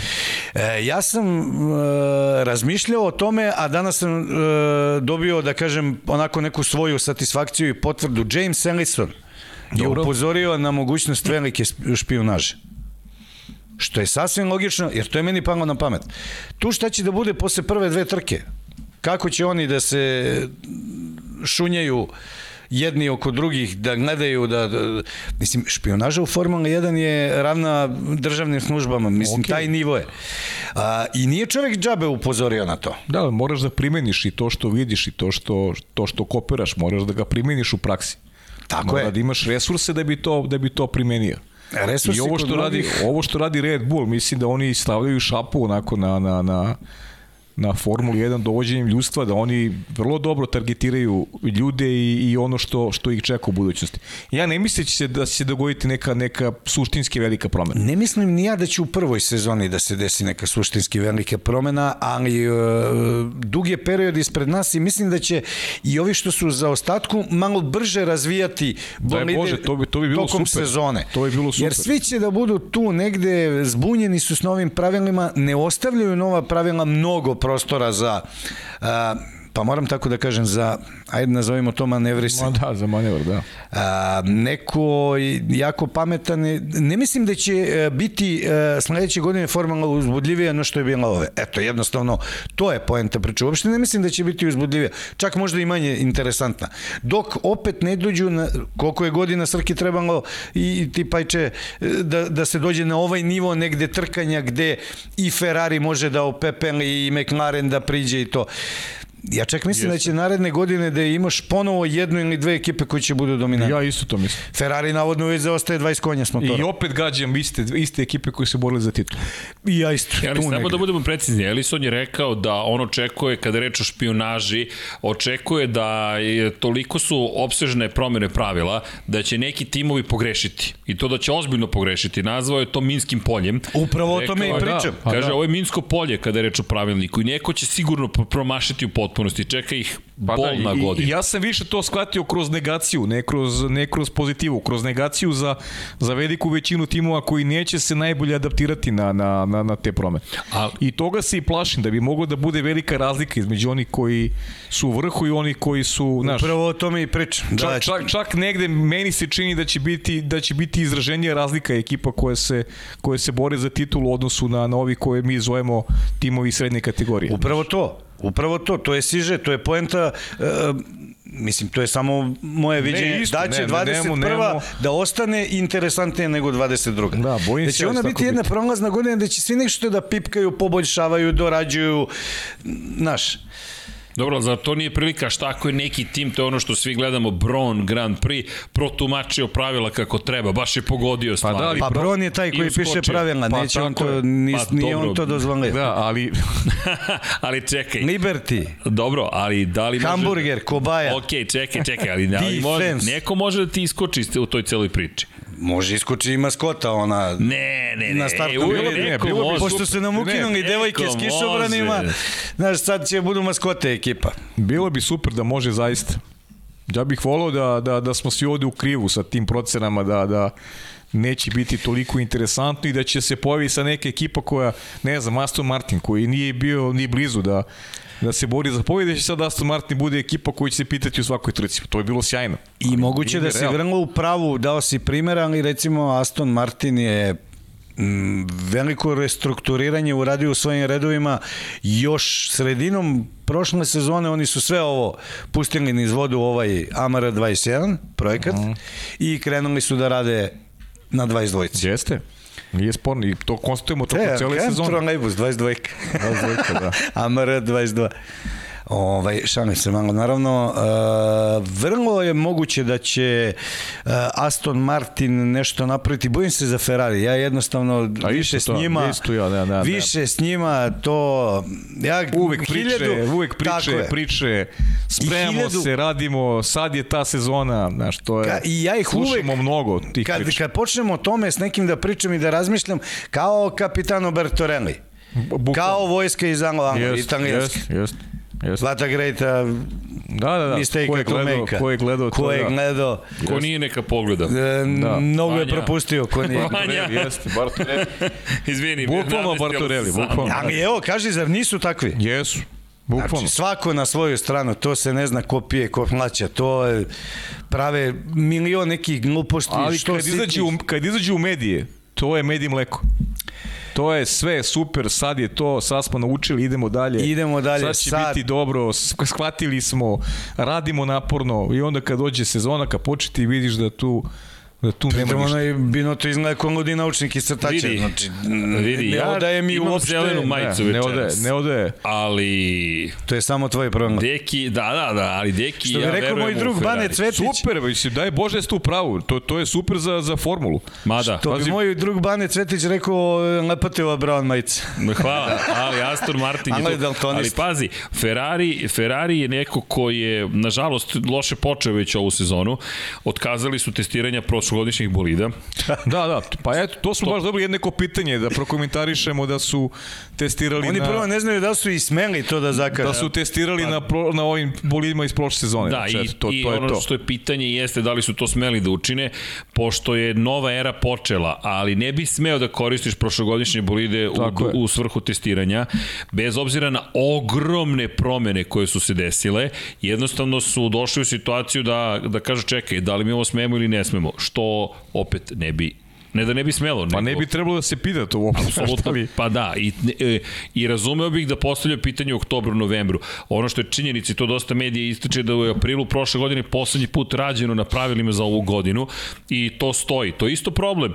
Vidi, ja bojim se da opet ulazimo u sivu zonu, zapravo time što mnogo stvari nije definisano i da će se definisati u hodu, što me zabrinjeva s obzirom na činjenicu kako je prethodna sezona završena i imam utisak da ponovo imamo pisanje pravila po potrebi, ne po potrebi. E pa da vidimo šta se dešava, pa ćemo da vidimo kako ćemo da reagujemo, što mi već ne obećava. I mislim da nije samo do Ferrarije, već i do Međunarodne automobilske federacije. Pa, Ko je promenila Pa svi žive sad od, od završiti se prošle sezone. Još uvek. I dalje se priča samo o tome i dalje se potencira što je, kako bih ti rekao, i razumljivo. Dobro, mrtav je naš. period, ništa se ne zna, yes, svi su se sakrili, ne, zatvorili mi sada, mi sada pričamo, u školjke sada, i, tako i rade na razvoju. nekog iskustva onoga što smo, što smo prošli prateći, pravimo sad neke kalkulacije u svojim glavama. Znaš, sad šta će donese praksa. Bilo bi super da, da, da to bude najspektakularnija sezona koja je ikad vožena. Da imamo, ne znam, 10 10 različitih pobednika, nisam ni ja, kažem, ali volio bih da sam u krivu. Međutim, ja sam optimista. Ja, se ja pa nekako uvek Argumenti su vam sjajni. Kao što su, kao što su ovi zatvoreni sad rade svi, ništa se ne dešava, mora da se pravi neki cirkus. Sad je tema da kao da li će Hamilton se penzioniše. Pa naravno da neće. Pa ne, to je to su, nego to, to su je, lažne teme, to su to su lažne teme. To nisu teme uopšte, nego to je eto da javnost guta malo da. Pa bukvalno. A pa, što dobro, misliš? Nije samo javnost, ja mislim si... da je pritisak. Izvini, to smo pričali prošli put. da, pritisak je najviše. Hamilton vrši pritisak, pritisak zajedno s Mercedesom. A misli više Mercedes, više Mercedes nego Hamilton. Pa, Hamilton se ne oglašava. Ali pazi, i će vam da smeni Masija? Nikad. Kad ti postaneš direktor formule, ta će Masi da ode. Pa znači sledeće godine.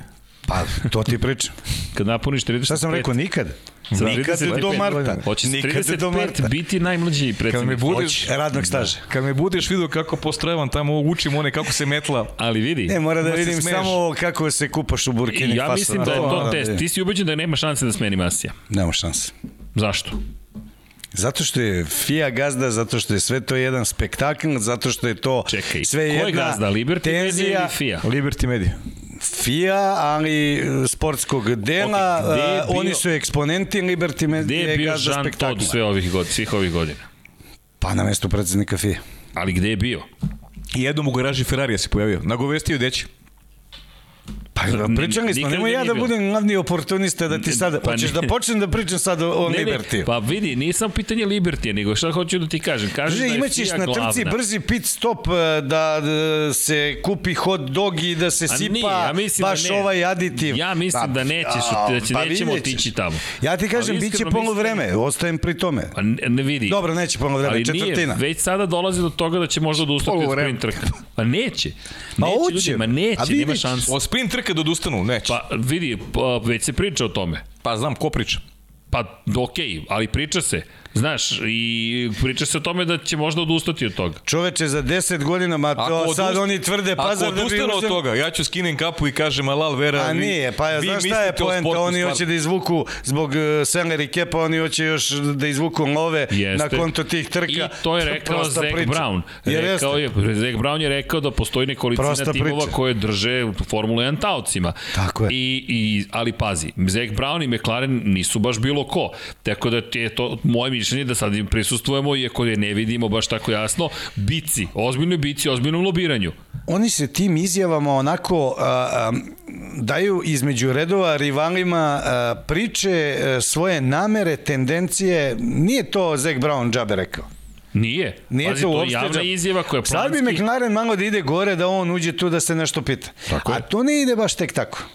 Ali moraš da kreneš. Jer pa u FI, odnosno Liberty Media, sve je to u rukavicama Ali vidi, na kraju ko onda odlučuje, Liberty ili FIA?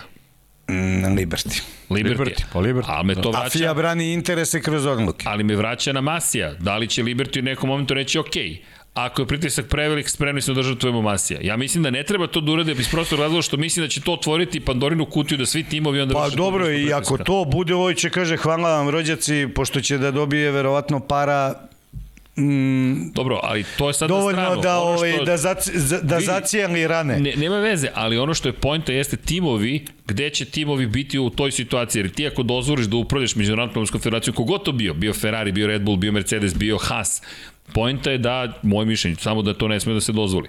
Jer otpusti ga tri meseca kasnije, nemoj sada. Ali ga otpusti ukoliko, inače, hvala ne za možeš da ga- komentar. ne da ga Neko je u sred rekao, sezone. Da, da, ali neko je rekao odlično, to sam prošli put zaboravio da napomenu i hvala na tom komentaru. A šta ukoliko istraga pokaže da je prekršio pravilnik i da je postupio protiv onoga što je dozvoljeno. Pa prekršio ga je više puta. Ali ukoliko istraga zvanično to pokaže, bez obzira na pritisak Mercedesa ili Red Bull ili Ferrarija, onda koja je kazna? Srki, Ali šta- šta sledeće, gleda godine, sledeće godine kod mene u firmu na paketići dolazi Deda Mraz. A Ne, majke, ne, ali ozbiljno ti Ali kažem. čekaj, samo Vidi, čekaj, možeš da, ovo- ne. ne, ne, ali Samo ovo, e, šta, šta, se, šta se odlučuje? Šta je, šta je ovaj... e, Šta će biti rezultat? Ali misliš da, ta, da se ta istraga Samo stvarno pos- nešto poslednji pokazati? krug se proverava. ta istraga je isto kao ova priča sa, sa Hamiltonom. Moraš shvatiš, FIA je uvek u pravu, ali na finjaka. pa sve to u redu, ali I vidi, nema revizije odluka. ali okay. Srbine, nema revizije ali, odluka. pa, ali vidi, ja ne gledam to tako. I FIA je pokazala tokom godine, ako je pritisak javnosti ili timova dovoljno velik, spremni su da povuku neke poteze. Moraš da shvatiš da je to sve unapred isfabrikovano. Pa, Ja mislim da je ovo to samo priča, ovo je samo ja priča, Ne mogu da budem toliko ciničan, ljudi. Ali masi- Mora, postoji neki... A zašto si ciničan? Sve ti se desilo što smo pričali. Je se desilo sve što smo pričali? Pa u velikoj meri se desilo. Pa. Da, ali sad treba Mercedes nešto vrši dalje da pritisak. dodam? Hamilton vrši pritisak. Ne, nego je mrtva sezona, ne dešava se ništa, ne možeš da vidiš kako izgleda novi bolid, nema, ništa se ne dešava. I ovako ostaje u fokusu žiži Sad javnosti mi ono tu što se kao dešava. ispitujemo, oni sad svi čekaju nas, ispituju kao šta će sa... Ja mislim da tu nema priče, ali priča Nema za priča oko. Masija možda bude priča. Ne, ali može da bude priča. Masi Šta ako može da istraga bude priča. pokaže da je prekršio? Masi, Masi može bude da bude pre, ostaće bre ljudi tu, nije sporno. Masi možda bude negde u ovo što si ti rekao, ajde, prihvatam da bude negde možda žrtveno jare, ovaj, u, u, ali debelo u- obeštećeno i zapamti, A to nije vratit će sporno. se brže nego što je otišao. Ali znaš šta je poenta samo? Nije poenta ismeniti Masije, poenta je šta posle Masije. To je Jer ako ćemo da imamo figuru kao što je Masi, opet imamo neko koga niko ne poznaje, Zna, ne, neko ko je, koga, s, kojim, s kim možda manipulišeš. Izvinite samo uh, na konto toga kad kažete ko da zameni Masija. Ne znam ko da zameni Masija, ali baš sam pričao sa Banetom Pijevićem, um, pošto je izabran novi predsednik FIE. Uh, oni su sva svoja tela i sve svoje komisije raspustili i u početkom februara kreću ta takozvana radna tela, radne grupe koje će formirati kasnije jeli, e, e, sve te komisije. Šta je sada predlog? Evo, to je neka, da kažem, ekskluziva. E, neće biti više toliko stjuarda na trkama Formula 1. Razmatra, razmatra se 3 do 6 uh -huh. stjuarda za celu sezonu. Znači, ovaj dobio koronu, ovom se žena porodila, ovom nije dobro, tri komada permanentna na trci od te šestorice, biraju se. Sad, ako je sve u redu, Bogu hvala, pa ti sediš kući, idemo Srki i ja, sutra Dom uh mhm. -huh. Pavlo, Srki i ti ste, i to je šestoro, Vanja, ja, Srki i tako se Rot, rotiramo šibica u krug.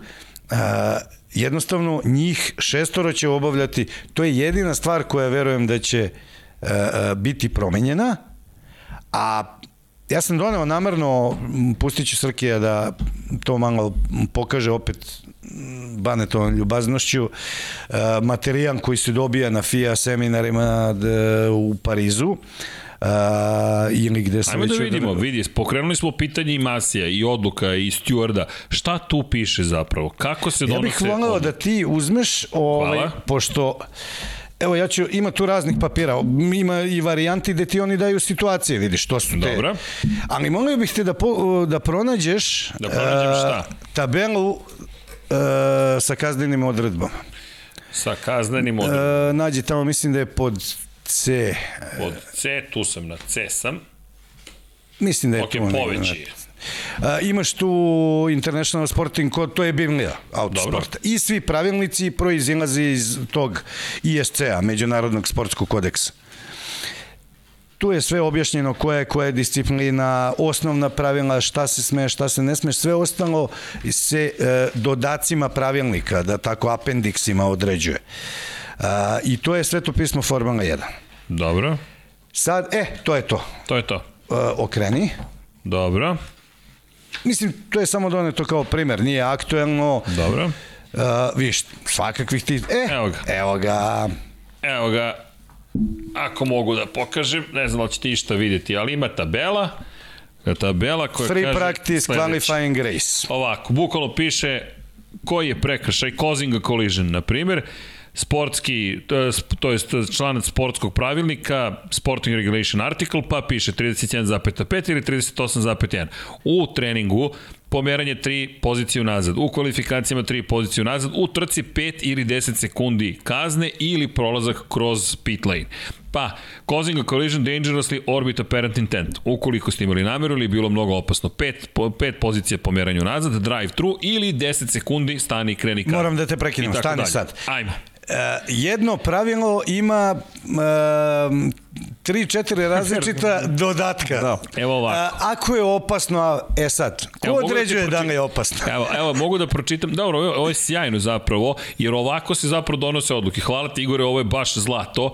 I Vidim ovo je da mnogi, 2017. izvini, tebi sam rekao, uh, i pričali smo Genial. i Paja i ja i ti, uh, uh, uh, mnogi navijači, ljudi koji su pre svega ljubitelji automotosporta, debat Verstappen, Hamilton uradio je ovo, ušao je ovo. Uh, jednostavno postoje ljudi koji se pridržavaju ali, čitabe, ali što da kažu naši stari i to je tako. Evo ti. E, pa to e, je to što sad, te pitam, e, onda dolazimo. se vraćamo Slušaj na to. Ovo. Evo ti, uh, crossing a line at pit exit.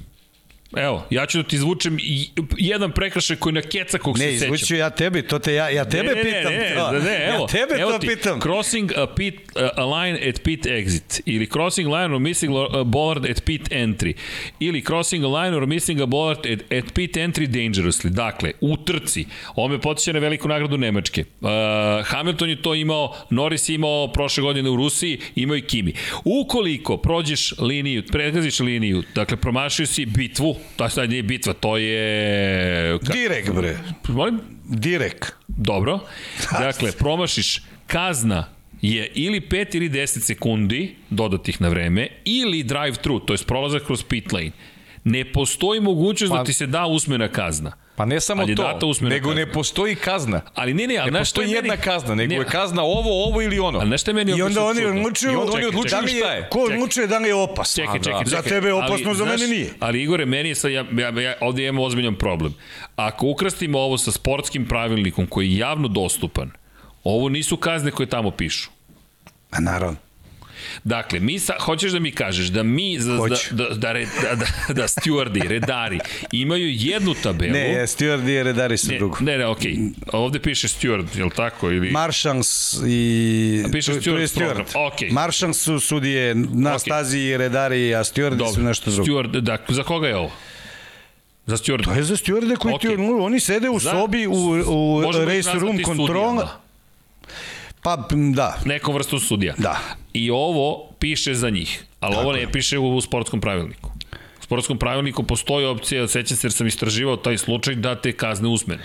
E pa zato se ide na sve te seminare i sve se to uči. Nije to baš tako jednostavno ko, ko što svima izgleda. E, I sad, a šta ja gledam? Osnovno, Evo, osnovno pravilo, trka, ti ne moraš trka. sve ovo da znaš na pamet. Da, da, Bilo bi suludo. Ali ovde su ti date baš, uh, ljudi ovde imamo, evo, za one, ne mogu prosto da vam pokažem dovoljno efektno, ali imate tri tabele, tri strane sa tabelama, gde bukvalno piše, uh, pretekli ste, uh, to jest, Na primjer, niste se držali de, u 10 dužina u odnosu na vozilo bezbednosti. Kazna je 5 do 10 sekundi ili prolazak kroz pit lane. Ali, sad ovde ne piše uh, da li je to kada su upaljene rotacijone svetle ili nisu. Ti sad moraš da odeš da pročitaš ceo pravilnik i tako dalje i tako dalje. A onda Dobre. na sve to direktor ima diskrecijono pravo da... Direktor ima diskrecijono pravo. I šta, uh, i ti se smeš kad ja kažem da je FIA uvek u pravu. I piše ovde zapravo koliko kaznenih pojena takođe dobiješ po prekršaju. Ovo je zlato, ovo je iz 2017. E, a da, je... da pišemo prljave tablice. treba to da treba to da, treba to da kopiramo. E, izvinite, skao McLaren Ferrarijeve planove. Treba da foto, da kopiramo fotokopirnica kada da, da. prijevi iz 29. novembra i kaže došli su neki momci fotokopiraju fina pravila. Da, okej, okay, ovo je preozbiljno i zapravo hoćeš Igore da mi kažeš da Koliko god mi tumačili sportski pravilnik, pitanje je zapravo šta piše i u nečemu što niko ne vidi. Jel ti sad jasno da je Masi radio po pravilniku? Pa, kad, verujem, verujem da jeste. To je kada vidimo ovo... I zapravo... kako Fija da ga smeni da skoči samo sebi u stomak? Pa, ja ne mislim da treba da ga smeni odmah, ali ako istraga pokaže ne, ja da nešto pitao, prekrši... Ne kažem da ti misliš, nego sad te pitam logički. Kako misliš da Fija kaže, e, mi stvarno pojma nemamo? Ali šta ako je postupio protiv onoga što piše tu? Naravno da nije okej. Okay. Naravno da nije, jer zato i služi ovo, ovo je sveto pismo.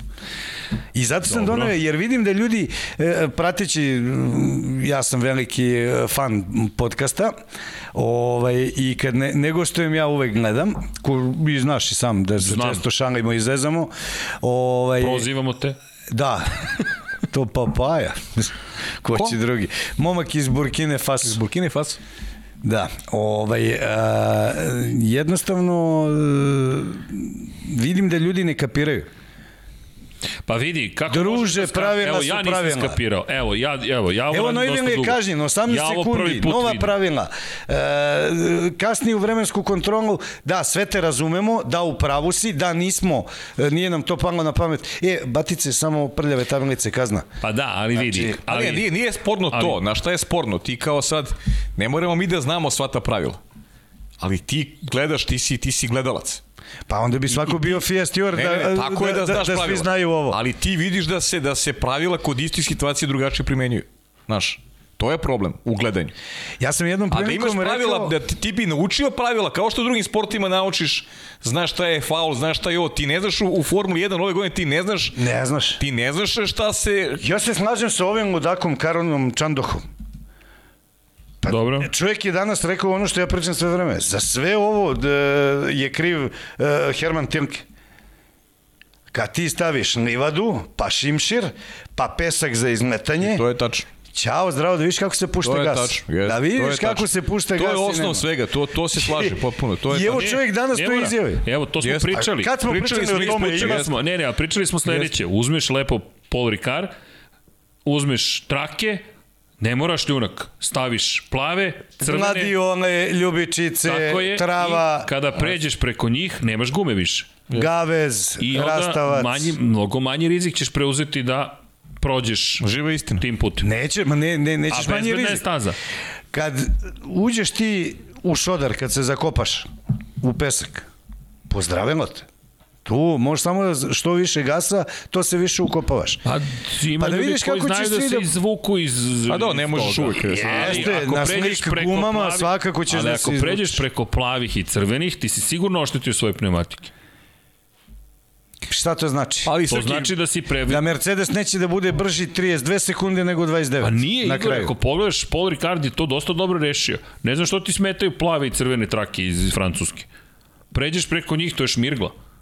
Gume su oštećene. Mi, e, ok, ali e, smeta mi e, što jednostavno mogućnost greške ti je koliko hoćeš. Kako je? Smeta ti što, što, smeta ti što za nisi kažnjen On može da pretekne si... tribine, stazu, može nije. da ode u Amijen, čekaj, čekaj, da se kako? vrati preko kako? Pa Strasbura, nije, da zameni gume i da nastavi nije, kako? Ako ti pređeš preko kako plavih nije? i crvenih, čekaj, pričamo o velikoj nagradi Francuske, kad siđeš na Šmirglu. Amijen, Strasbur. Pa da, okej, okay. ali vidi, kada se iđeš na šmirglu, bukvalno je šmirgla, ti ostaješ bez guma. Yes. Ti ili ideš na zamenu guma ili, i trpiš taj Šta se desi kad uđeš u šodar, kad preteraš, napraviš grešku, odustaneš. A ti ovde odeš, zameniš pa, gume. Pa dobro, i, bilo je zavisnosti... vozača u Meksiku koji su silazili sa staze i nastavljali. Srki, ali u zavisnosti od toga za koju ekipu vozi, voziš i izgubiš od nikojeg do e, ljudi, dva mesta. Ovo stvarno nije za polemiku. Okay. I jedna i druga opcija je dobra. I jedna i druga opcija je dobra, stvarno.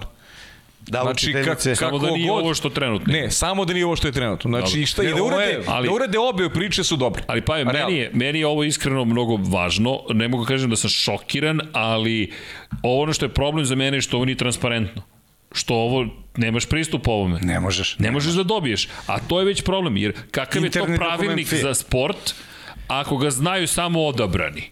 Čekaj, to je, zamisli sad igra se futbolski meč ili američki futbol, ali znaju, samo sudije znaju pravila.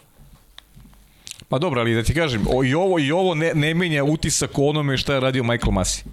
Pa, Meni uopšte ne menja utisak. Pa da, ali, ali nije samo do Masi. O, to, o tome kako je, kako je marioneta, kako se ponašao, kako je reagovao, znaš, znaš me, meni ne menja utisak. Možeš ti srđene ako si najbolji 10 godina da 10 godina budeš šampion. Gde je tu interes? Mora malo Paja, mora malo ja. Dobro, sad ti postavljaš stvari da, ovako da. malo, znaš, drugačije ih postavljaš sada, ok, ja se, da ti kažem, nema interesa u tome, ja se slažem. U sportu generalno nema interesa kad neko dominira. To nije interes, to nikome nije interes. Ali, na čemu počiva sport?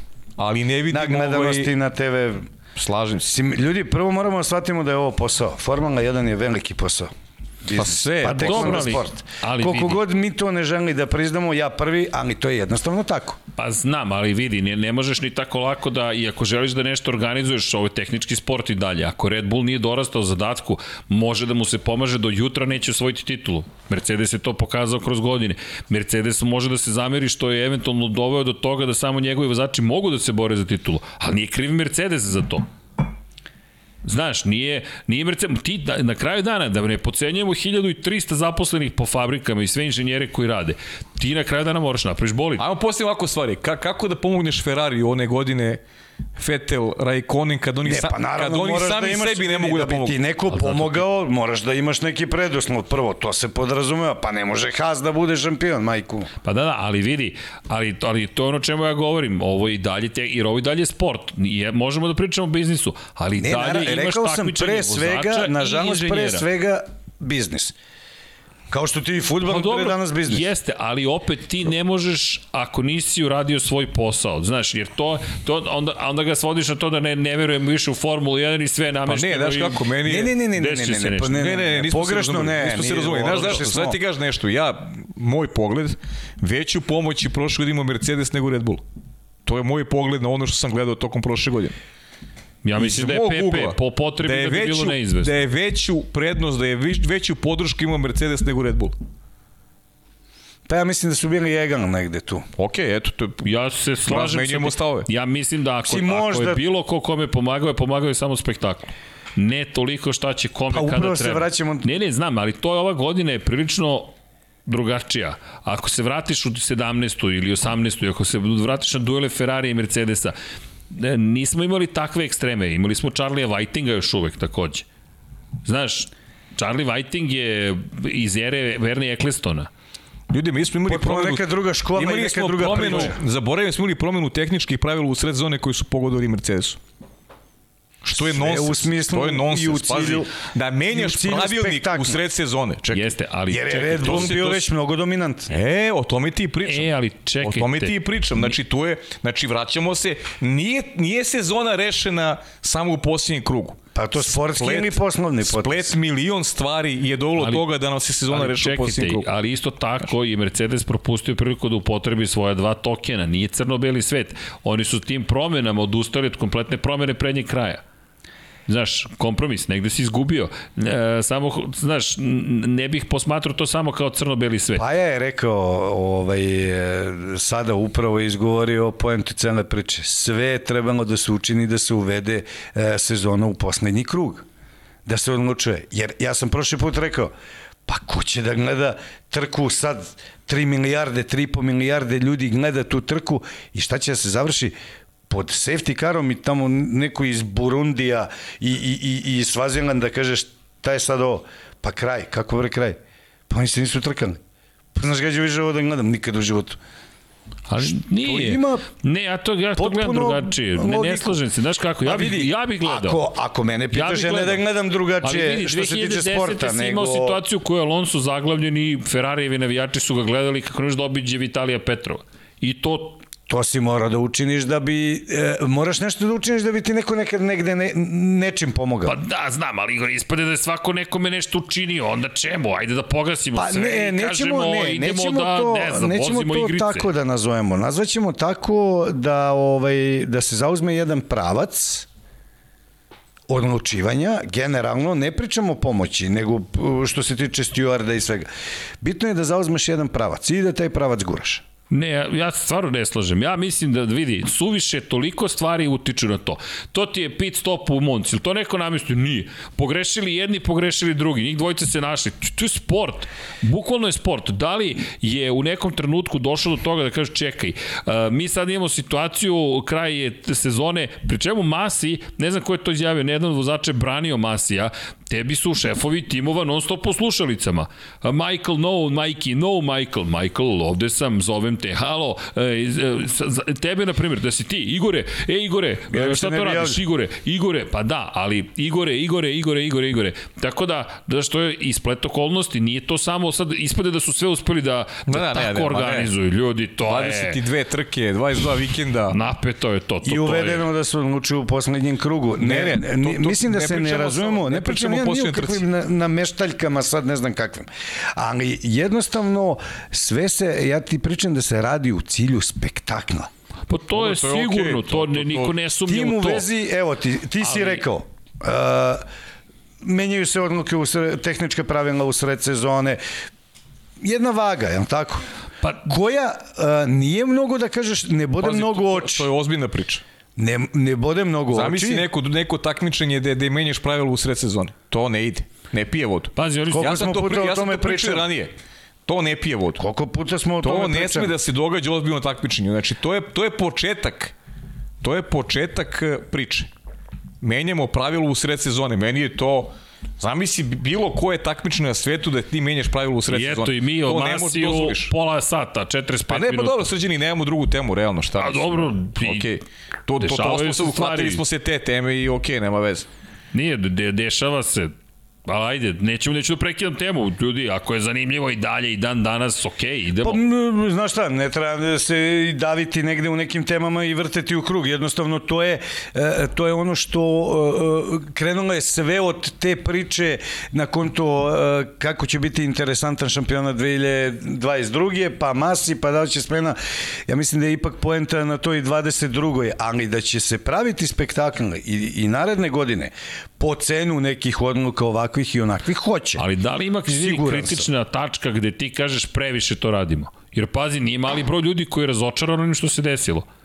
Što navijači Luisa Hamiltona, što ljudi koji Evo ja sam razočaran, da, kao navijač, kao navijač Formula 1 sam razočaran. Da posle 22 trke ti dođeš Bez u situaciju da je spektakl. ti, problematičan Srki, kraj. ja imamo pravo i svi ljubitelji imamo pravo da budemo i ja sam razočaran kao ljubitelj Formula 1. Samo kao ljubitelj Formula 1. Navijački ne uopšte. I sad, izvini, sad samo poslovno gledano, ako si ti Liberty Media i ti uđeš i kažeš po društvenim mrežama, ljudi kažu čekaj, šta je ovo?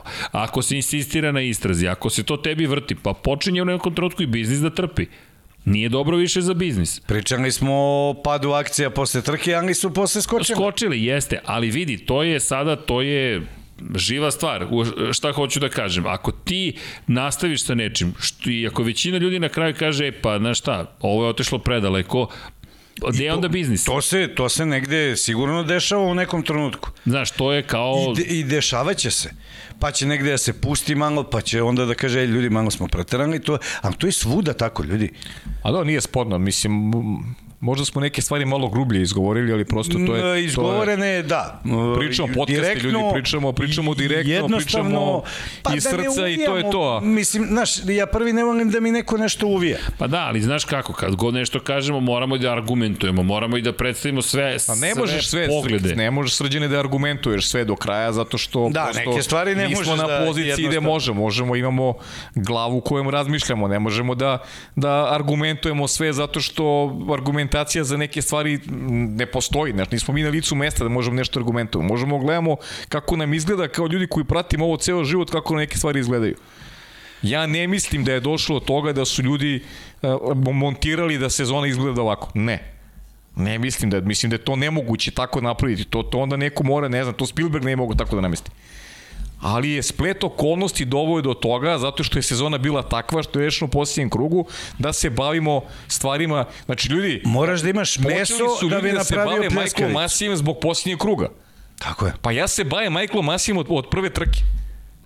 Zato što meni taj čovek nije ulivo poverenje od prve trke, a ne od 22. Sad zamisli, uh, ja kad sam bio uh, sa vama, uh, kad smo radili Grožana, onaj Judes. Tako je. Ja se sećam da sam neposredno pre emisije, svi su bili oduševljeni, ne znam, uh, reakcija. Uh, ako se Srki sećaš, ti si me pogledao Dobro. kad sam ja rekao da su sudije očajno reagovali, odnosno maršali Dobro. kraj staze. Da su potpuno kao bezglavljene kokoške ja pričam sa Ivanom Jeftićem, drugi čovek koji je uh, redovan u FI što se tiče našeg autosporta. Ja kažem, e, e, gledaj ovu dvojicu majke i on, i on se smeje, kaže ovaj, upravo to sam teo da ti kažem kaže kao bezglavljene kokoške sudaraju se to i onda smo se smejali i e, konstatovali smo da će na kraju verovatno dobiju neku nagradu kao za dobru reakciju i stvarno se to desilo Oni su dobili ljudi nagradu na kraju godine za dobru, ne znam, reakciju. Da nije bilo ovog vozača Medican Kara, ode mastu propast. Tako da e, ti po nekim stvarima kad si debelo u tome možeš da već vidiš i predvidiš neke stvari koje će se dogoditi. I pa jednostavno moraš mnogo između redova da čitaš, da gledaš, da ja promošim milion puta, ne kažem. Ali Ma, ljudi, zato vam pa, kažem, znaš, ako jer nešto igre, igrice... izjavimo uh, gde nam je granica, jer vidi, i, i drugo, što se tiče biznisa, znaš kako je to posmatrano, kao elastično-plastična deformacija. U jednom momentu nema više nazad.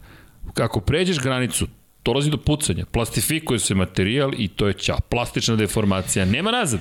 Ali tu timovi vode računa da se ne pređe granica. E, I zato je Mislim, meni interesantno, timovi. zato se ja vraćam sada na Zeka Brauna i na taj priču o budžetu i na priču o tome da smo sa 145 miliona dolara ošli na 140, što ono što mislim da je naš posao jeste da upravo predstavimo između ostalog i to što je nevidljivo uslovno rečeno, to je koje su veze u celoj priči, ali isto tako da što više argumentujemo. E sad, ovo je meni fascinantno dokument. Dobro, pokloniću jeste, jeste. evo ti. E, hvala ti. Ali zašto? ne, šalim se stvarno, evo ti na pogled. Hvala. Znaš zašto? Zato što ovde piše nešto što mi do sada, ja nisam imao prilike ovo da vidim. A to je dokument koji govori zapravo da sudije imaju drugačiji dokument odnosno na ono što ima javnost. Koliko god da je sličan, zapravo je drugačiji. I moram ti reći sad me zanima 2017. da ukrstim sa sportskim pravilnikom da vidim šta tačno se razlikuje. Ako smem, ako ja ovo dobijem u ruke, Igor, odmah da znaš, evo javno ti kažem, ja ću sad ovo da ukrstim sa, jel te, sa pravilnikom i da vidim šta se tu događalo, jer to sve je naš posao. Sve što možeš, pogledio sam ti na pola sata, sve što možeš. Na pola sata, sata. okay. da pogledaš. Ja smem da fotografišem par stranica. Ba, prostudiraj. Pa, ba, ne, ne. ne pa, A, prvi put smo prostudirali. Počne da zamuckuje. Počne da mi zamuckuje, si primetio. To obično ne radi, znaš. da, okej. Okay. Ne, teo sam ti kažem, da glupo je da fotkaš.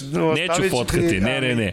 O, hoću da uporedim, zato što je ovo mnogo važno. I način na koji uradimo naš posao je mnogo važan. Zašto?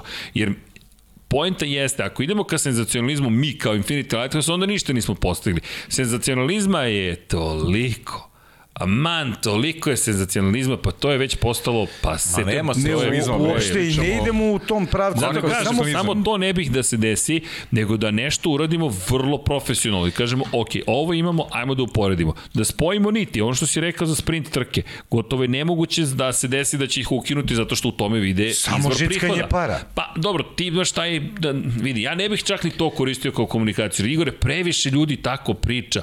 Ja hoću da pričamo malo drugačije, da pokažemo nego da može da se komunicira drugačije, a, ne, mislim, a da se prenese poruka vrlo jasno. Štedimo vreme, ja kažem žickanje znam, para. Znam, Pokušaj da se od FIE tako... namire troškovi za ali, dodatne sprinte. Ali vidi, šta, šta ja želim da izbegnemo? Da, jer možemo tako da pričamo, odnosno smo u kafani, neću kafanu, hoću da pričamo, mi, ti si profesionalac, ja znam koliko se ti sakreš ponekad iz tih reči u kontekstu toga šta ti sve znaš, ali poenta jeste upravo u tome, mi smo izabrali da pričamo neki drugačiji način i to treba da bude i suština Lab 76.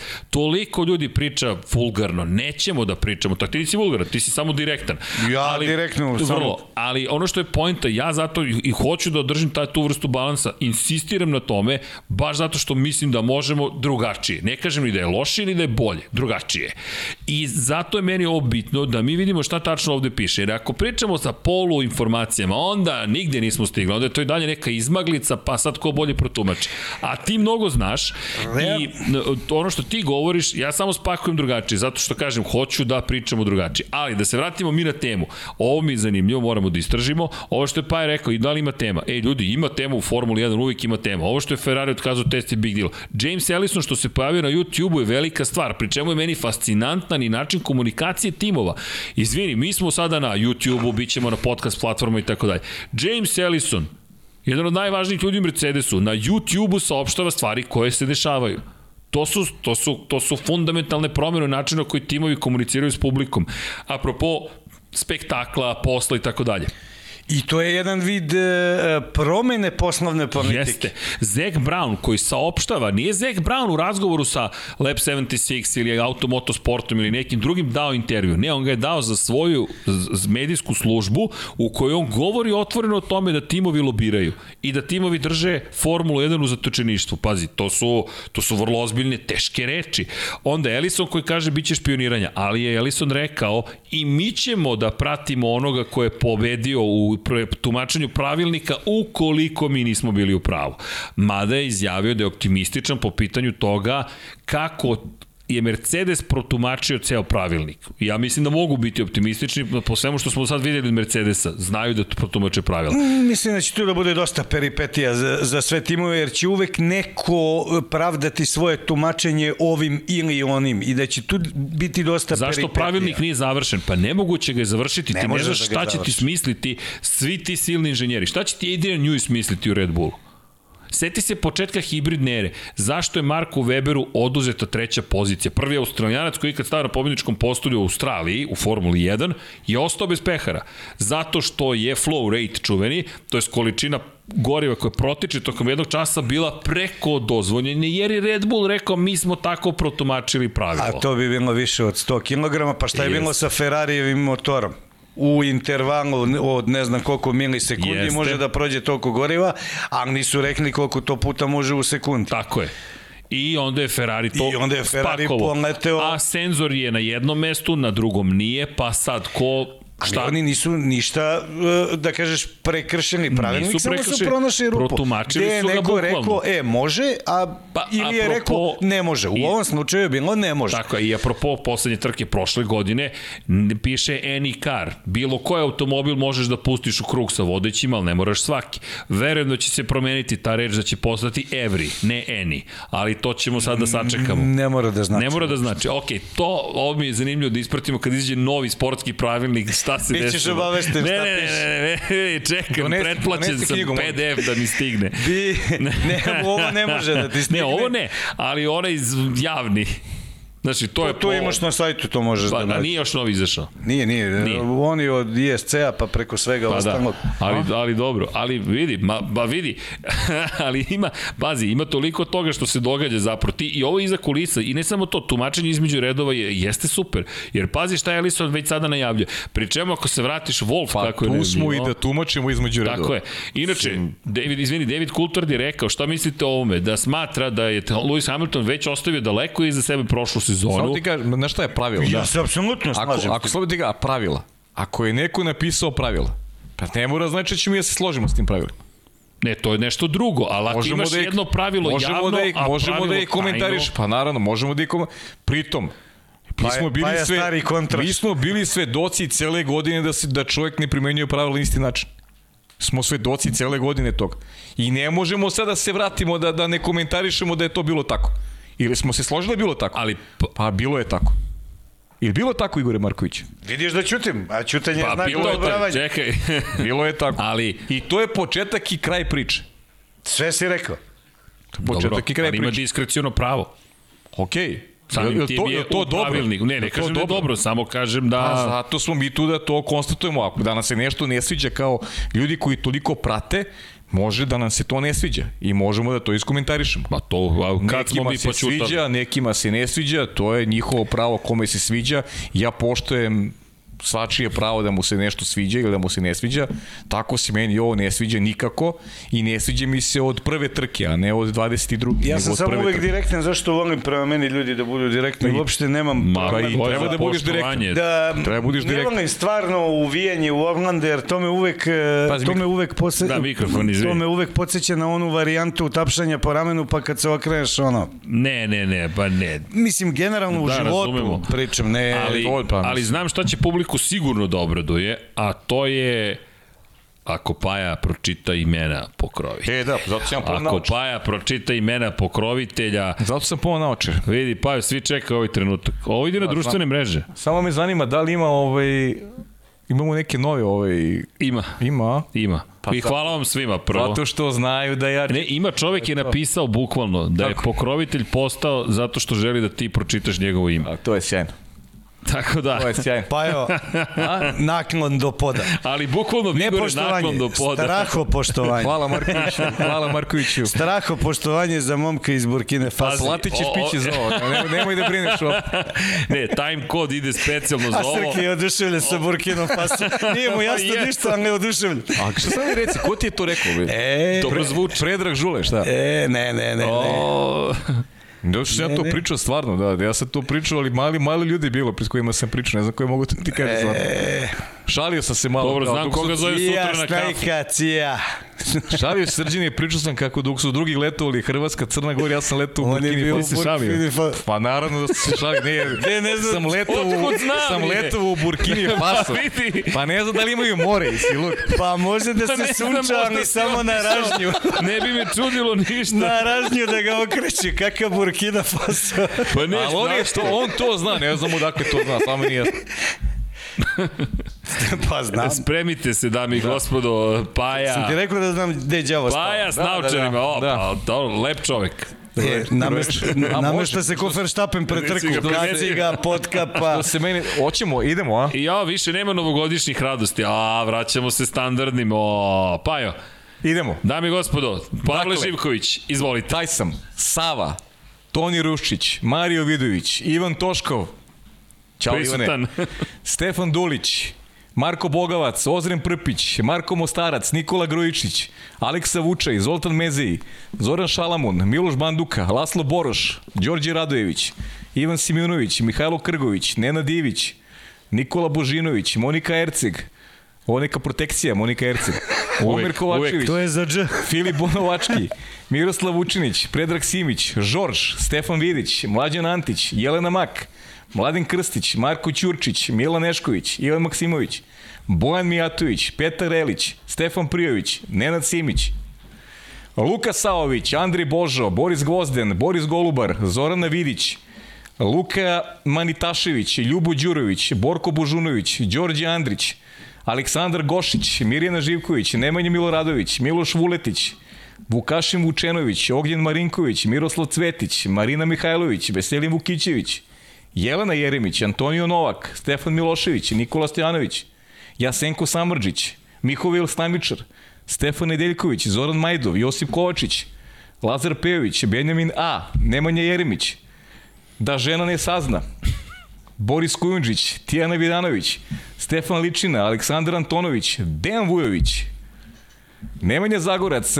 Đole Broncos, Broncos, Broncos, bravo. Broncos, Broncos SKZMUA, što bi rekli francuzi, Aleksa Jelić, Iz Burkina Faso. Aca Vizla. Aca Vizla, Igor Vučković, Milan Ristić, Branko Bisački, Nenad Đorđević, Vukašin Jekić, Aleksandar M, Žarko Milić, Dejan Đokić, Bojan Markov, Ertan Prelić, Igor Gašparević, Alen Stojičić, Depressed, Depressed Kobe, Kobe. Garbrandt fan. Garbrand Fan, Branislav Dević, Strahinja Blagojević, Aleksandar Jurić, Vladimir Filipović, Branislav Marković, Vanja Radulović, Đorđe Đukić, Miloš Todorov, Ivan C, Emir Mesić, Stefan Stanković, Dušan Ristić, Vladimir Petković, Pavle Njemec, Jovan Đodan, Boris Erceg, Mirina Kovačević, Katarina, Andrej Bicok, Mlade Mladenović, Dimitrije Mišić I 19 tajnih i pokrovitelja.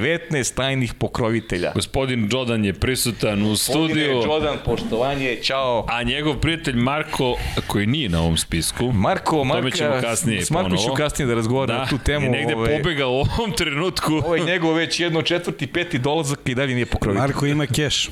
Da. Koji ja. Marko, Koji ja. Ali ti možeš da naplatiš taj keš.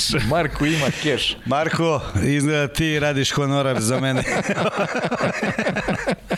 ali, ali, Bajo, A? hvala. Pa mislim šta, hvala, ja sam to obećao i ja ću to da uradim i prvom sledećem prilikom, nije sporno. O, opa, ne, ne, Šta si rekao? I, biće. Biće, biće, eto. Kažu biće. Kad god, kad god, sledeći put, eto. Inače, da se zahvalimo i onima koji su kliknuli join na našem kanalu, Almedin Ahmetović, Nemanja Labović, Mladen Mladenović, Nikola Ivanović, Aleksandar Kockar, Emir Dugić, Mladen Dukić, Miloš Z, LFC, Dragan Juzbašić, Nikola Smit, Nemanja Miloradović, Zvonimir Papić, Ivan Božanić, Marina, Vlada Ivanović, Oliver Nikolić, Marko Bogovac, Nemanja Krstović, Miloš Babin, Andrija Todorović, Jelena Jeremić, Resničanin, Kalabi Jao, Aleksandar Nikolić, gospodin koji je rekao nema potrebe da čitate moje ime, pozdrav zna, ko je Petar Bjelić, Milorad Reljić, Nemanja, Bojan Markov, Danilo Petrović, Almir Okić i Nenad Simić. Hvala. Hvala. A što drugo da kažemo? Hvala, Ništa drugo, samo hvala, hvala. hvala i hvala. Ajde ja. Hvala, pa, hvala. Pa jeste, zaista. Ne- nema, nema šta ni da dodamo, ni da oduzmemo. Inače, Stvarno, dobili smo moderatora, ali ne znam da li je u četu, k, e, pre, proimenovan je u Viteza od moderatora, Srđan Petković, koji je dobio, još ga nismo verovatno postavili za moderatora, ali je u 99 yardi ovde katanom imenovan u Viteza, ozbiljno imamo kadar. Miksa Kralj, Sjajno. prognoze ga je Ern, imenovao. YouTube, od YouTube-a. Er, Erlo od YouTube-a, bravo, Erlo od YouTube-a. A inače ušli smo, još malo polazimo u witching hour, to jest prolazimo ponoć još malo. Ibre, nije Opa. Jeste. Stvarno? Stvarno. Pa diskusija se ako Neka, zahuktala ja volim, se to zimska je- to je diskusija. prava stvar. Neka, Prava ali stvar. uh, Coulthard, samo da se vratimo na to, je rekao da što se njega tiče, Hamilton je već ad acta stavio celu prošlu sezonu i ovo je više pogodilo Mercedes, je ekipu, ljude u ekipi i navijače Luisa Hamiltona nego samog Hamiltona. Ja to Rekao isto je, ljudi, Ja to isto mislim zaista. Mislim i dalje da je sve, da kažem, e, neću da se ružno izražavam što kaže Srki, o, ovaj, mislim da je sve Hvala. u cilju e, vidi kako pokušava, pa evo. Ljudi, Lewis Hamilton je čovjek koji uči da bude i gore i dole. Mislim, Ma ne, on čovjek, karijera. on čovjek negde uživa, uopšte ne razmišlja o tome, sprema se za narednu sezonu. Naučio je da gubi, naučio Sve marti, marketinška priča u cilju održavanja konstantne popularnosti u periodu kada nema sportskih aktivnosti. Doktor za odnos s javnošću. Ali dobro, to smo, to smo i pričali, Srki ti ja prošli put i zaista ja negde mislim da je ali, više marketing i pritisak koji pravi Mercedes, to je više Upravo pritisak tako, ono je bivši vozač sledeće godine. Je da. zanimljiva izjava. Znaš šta je rekao? Ljudi kada pobedite, euforični ste neko vreme i onda zaboravite tu euforiju, idete dalje. Pa Isto je s porazom, pretrpite poraz, tužni ste neko vreme, ćao, idete dalje. Srđane, poraze izvučeš pouke. Više bi se ovo reflektovalo na Maxa Verstappen nego na Lewis. Mnogo više. Zato I na Red Bull. što je to prvi put njemu. I, I to pitanje, bi shvatio tragičnije. Seti se Lewis Marka Hamilton Webera. je prošao i imao seti te amplitude, se. pobeđivo posljednje trci, gubio posljednje trke, on čovek koji to zna da nosi. On je naučio to da nosi. Max Verstappen nije naučio to da nosi. On se prvi put našao u ovoj poziciji da mu posljednja trka rešava titul. I da je izgubio, to bi se uh, više reflektovalo njega nego na Luisa. Pazi, Hamilton 2007. nije osvojio titulu u posljednjoj trci, 2010. nije osvojio po, u titulu u posljednjoj trci, 2000 16. nije osvojio titulu u poslednjoj trci, 2021. nije osvojio titulu u poslednjoj trci. Čovjek je mogao 11 puta da bude šampion sveta, a 7 puta je osvojio za njega, pa to je decenija. Mi govorimo o Formula 1, postoji malo više od 7 decenija. On čovjek celu jednu deceniju obeležio što titulama, što porazima u, u poslednjim trkama sezone.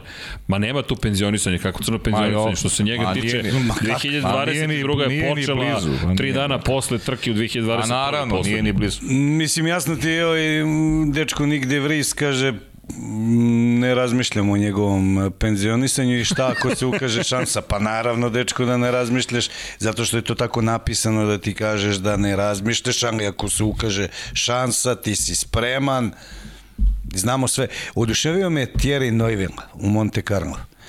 A, treći fabrički Hyundai po meni vrlo upitno, vozio je Oliver Songberg. Svi mi, ja sam ga obožavao popularni Hollywood, Petar Songberg, njegov otac, šampion iz 2003. sa Subaruom, Uh, suma sumarum, uh, uh, Srki je čovek koji se zove Phil Mills, odnosno Filip Mills, koji je bio njegov suvozač, je sada na jako bitnom mestu u FII. Recimo da je do predsednika i ovaj, napravit ćemo, obezbedit ćemo intervju sa njim. Uh, njih dvojica su bili šampioni sveta 2003. Ujka Henning, eh, odnosno Strikan Henning, isto poznati norveški vozač automobilista. Interesantno, Oliver je šve, šveđanin po nacionalnosti. Majka per, Pernila je iz tog mesta Toržbio, da je inače švedski remi. Ovaj, I verovatno iz nekog razloga je uzeo švedsko državljanstvo. Ono što je bitnije, sa 20 godina je dobio priliku da vozi u VRC konkurenciji. Imao je sporadično do sada 2-3 relija, za Hyundai karijera koju očigledno i što je sasvim normalno nakon e, ne, e, stažiranja u manjim automobilima u, u, u, u, u R5 automobilima i to malo VRC-a dobio je šansu ali po meni iako je U stvari, on sada ima 20 godina, Kanlerov Vampera ima 21. Kanlerov Vampera mi je daleko zrelije delovao prošle godine, mhm. -huh sa 20 godina vozački pričam, nego što je to Oliver. Oliver je i prijemčivi, harizmatični, otvoreni, to je povukao verovatno na tatu. A, dobio je šansu u Hyundaiu i e, u subotu je na prvom brzincu izleteo. Za svaku pohvalno je to što su ga navijači posle 30 i nešto e, minute izvukli sa neke nizbrdice, ono što kažu, kažu ovce pa su pod ručnom. Mhm. -huh. Baš velika nizbrdica. Izvuknuli su ga na put, on je nastavio bez branika, bez tih aerodinamičkih delova. A, nastavio je dalje, međutim, tokom celog relija je od početka imao problem konstantno da u slušalicama, sad zamisle, evo, da ti čuješ više sa strane nego što čuješ Srkije i mene.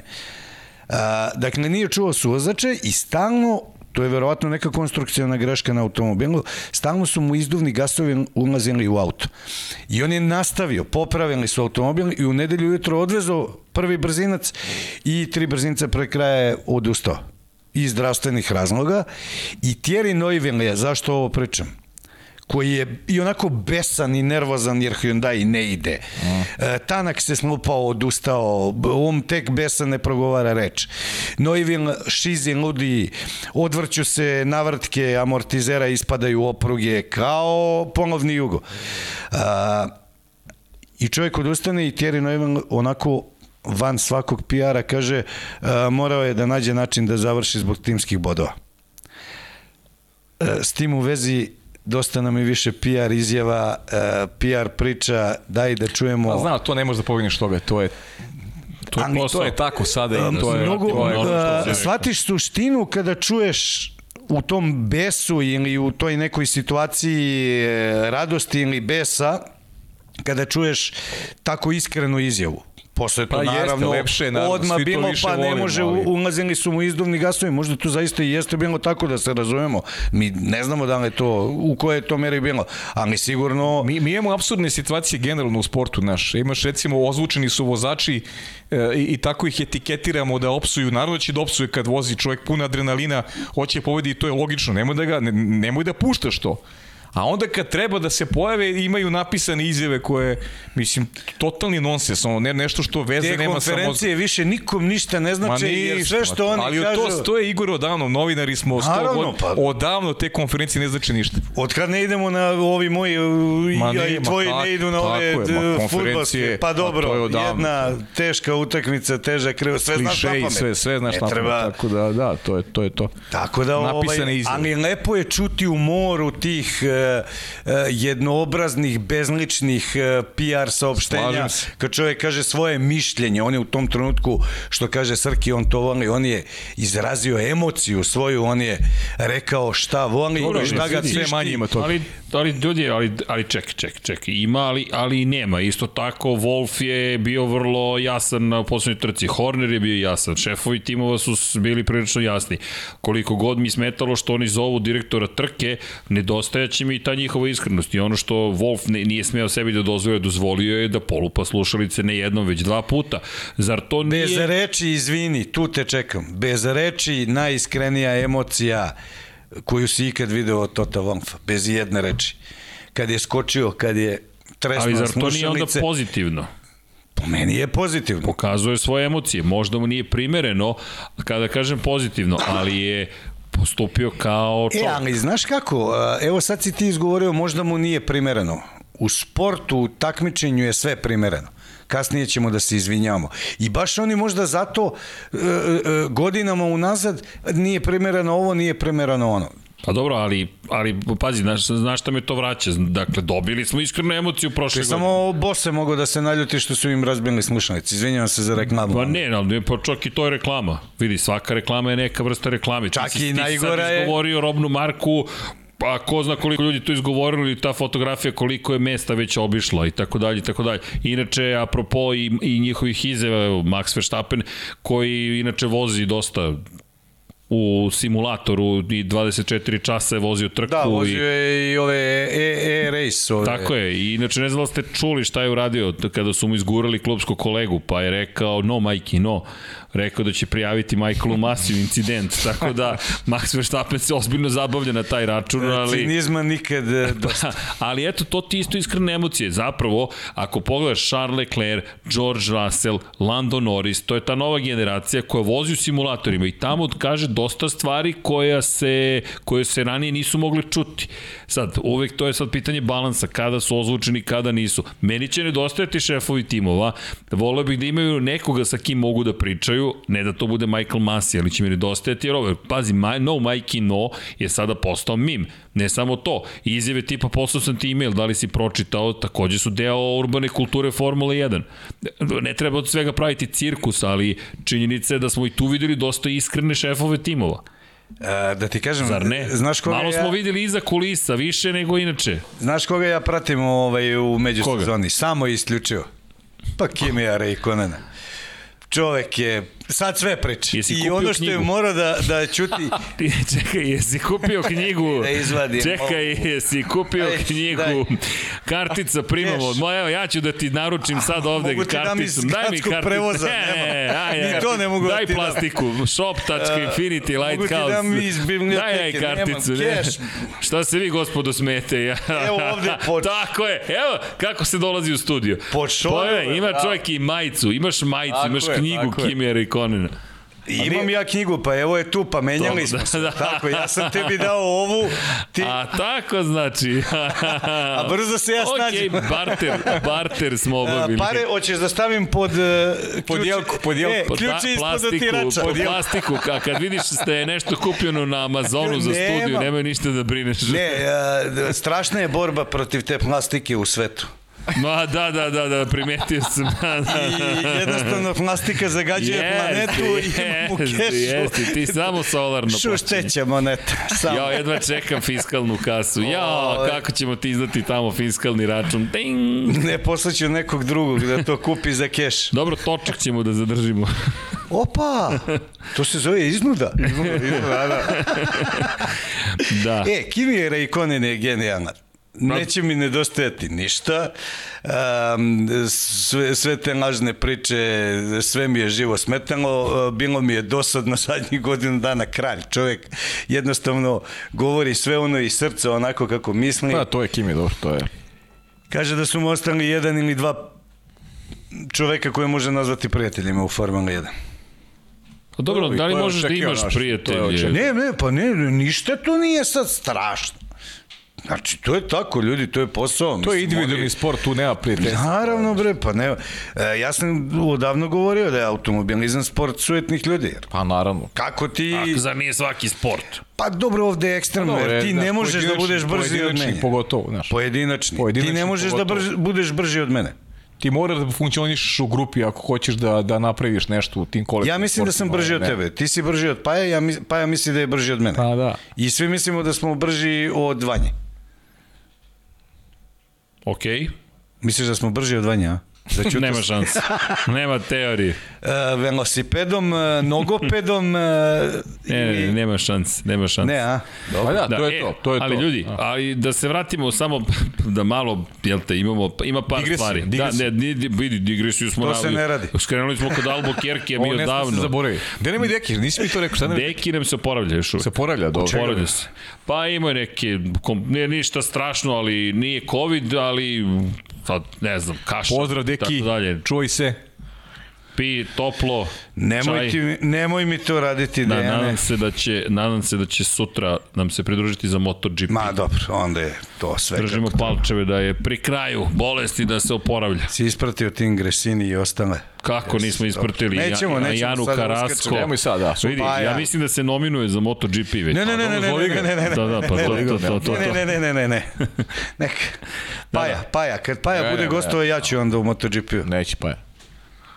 Ja mogu i u Superbajku, šta hoćeš, ja pratim sve. Znam da ti pa ja ne. Iskreno. E, ali kada već pratiš sve, Formula 1, Red Bull, otimanje inženjera, Ljudi, pokupili su... To smo ne u prošle kad sam pa, gostao, nego u pretprošle. Ali ovo je nastavak, sad dugo, je najnovija je... vest. Još ljudi su uzeli. A, ne, e, oni su sad samo, a, da kažemo, belodanili, to je ono što je bilo sa Hočkinskom ekipom, uzeli su još pet ljudi. Tako je. I sad su zvanično preveli u njihove redove. Inače je to od e, tada priča, od pre godinu dana, Hodgkinson. To je ne, ne, tada ali nije samo Hodgkins, sad je otio, još je ljudi otišlo. Ti Stalno ljudi, odlaze ljudi. Tu, ti ljudi su od pre godinu dana. Pa verovatno, znaš šta, ko zna šta se u tom Brixworthu sprema i generalno šta se u Mercedesu sprema, to je ono što mi ne možemo da znamo. Jer oni, e, niko tamo ne radi ništa bez petogodišnjeg plana. Ko zna u kojoj su oni fazi koliko godina već ispred, da tako kažem, u planiranju stvari koje će uraditi, zašto svesno puštaju određene ljude, zašto uh, do, dozvoljavaju da se neke stvari dešavaju. Mislim da, mm, što kaže, mi smo mali da pričamo o tome. Mislim da, da, da jednostavno toliko se stvari dešava u tim vrhunskim timovima koji su uslovljeni odlukama uh, upravnih bordova i tako dalje i tako dalje. Pa malo fanlo je ona Kalenius uh, rekao ne, ne može toliko para za Hamiltona. Jeste. Malo je nedostajalo da tu Ali ispadne... Ali su potpisali dvogodišnji ugovor prošle godine. Ajde, smanji malo cifru, ajde, nećemo na 3, na 2 ćemo, sve to Ali, trgovine i posao. I ugovor ističe ove godine. I šta će neko da mi kaže da su ove priče da će on da se penzioniše? Pa ne samo to, nego mi je zanimljivo ova godina. Naravno e, da znate šta, bit će ova godina bolje od prošle. Čak i ako ne bude 10 timova koji se bore za pobede imaćete dva tima i dva vozača koji će nastaviti ono što su započeli prošle godine. A da je super, pa srđene, ono... Daj Bože da samo uh, jedni i drug, drugi budu na takvom nivou da mogu da dođu u situaciju da, da bude kao prošle godine. 23 trke da budeš... Tako je. Nije laka to matematika, naravno. E, Mislim, ovo je da borba sledeće godine, borba inženjera, to je definitivno. Jeste. Pa dobro, i tu, znaš, pa dobro i vozača. Priča, sad ne da im Luja Rosija, njegova malo pređešna priča ima. Ne da treba je podsjećati, znaš, treba se podsjećati toga, znaš, zato što, znaš, Ljudi, sam, bitka, fabrika. Novinari ali... smo, nije ono jednom rečeno, pa sad kao više neće pričamo to, mora ponavljamo, znaš. Ali da, ima još jedna stvar, ali ja mislim da će biti i vozača. Jer pazi, ovo je sad ozbiljna promjena. Kao što je Fetel odjednom bio kao ranjen kada su prešli na hibride, jer mu je nedostajalo prijanjanje zadnjeg kraja, na što je navikao, pazi, on je dugo vozio bolid koji je imao i hladno produvani difuzor i imao je bolid koji je tako projektovan da je zalepljen zadnji kraj, on je, on je, on je uživao u tome. U hibridnoj eri Sebastian Vettel više nikada nije bio kao pa Vettel do 2013. Nije samo godine. to, nego ti, ti imaš borbu vozača ne samo na stazi, nego za svoju budućnost. Tako je. Za svoju egzistenciju. Imaš vozače koji, od kojih se mnogo očekuje, poput recimo Charles Leclerc Pa vidi, za Pjera Gasly je ili ili. Pa, pa, pa čekaj, a za Leclerc nije ili ili. E, ali meni Upravo Leclerc... zato se i nadovezujem sa Gaslijem, zato što je Leclerc jedan od njih, Pierre Gasly, Cunoda. Ali vidi. Isto ili ili. Dobro, ali ovo su već sad, daj, ne, ne, vidi, ali Charles Leclerc... Honda ide, ali, Honda čekaj, ide, čekaj, verovatno ali, imaju još dogovor ovu godinu. Ali, ali, ne može da se meri sa Charles Leclerc. Charles Leclerc predstavlja Ferrari. Ne može, Ferrari. On je deklarativno budućnost neki, Ferrari. Da, neki, neki lider tima, mnogo brz vozač, ali nije pouzdan, realno. Evo, godine su pokazali da nije pouzdan. Matija Binotto hvali sve više Carlosa Sainca. Nije pouzdan, realno ali, nije. I ne misli da će Sainz nužno da preuzme ulogu broj 1 tek tako, ali pazi sad ovo, Charles Leclerc, šta ako se ne ispostavi, to jest ispostavi se da nije ono što Ferrari želi. Znaš šta je srđene problem tu? Što od Carlosa Sainca niko ne očekuje da se bori za titulu sutra. Očekuje da bude vozač broj 2. Carlos Sainz to što treba da radi, što i mi zamišljamo treba da radi, on radi. Tako je. A Charles Leclerc ne radi ono što šira javnost očekuje da on bude lider tog tima, tima koji treba sutra preksto da vede do, do titule prvaka sveta. A on to, on ne radi, on i čak te šanse koje imao sa Ferrarijem kakav jeste, on nije koristio na najbolji način.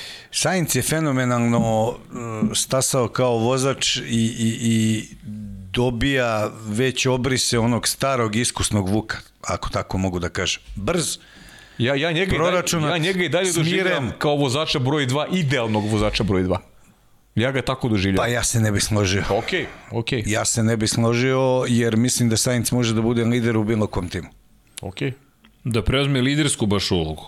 Ja mislim da će da može Ako da pobedi Leclerc, ne da bude lidera, lider. Da. Pazi, I, on to još nigde nije imao. Nije nikada. Nikada on nije nigde nije imao. I mislim da je samo mudar da skuplja iskustva, da krade očima, situacijama, svim živim, da nadograđuje sebe konstantno, non stop. Vidiš da ga sve manje po medijima Ja ga ima... tako ne vidim, ali ajde, vidjet ćemo.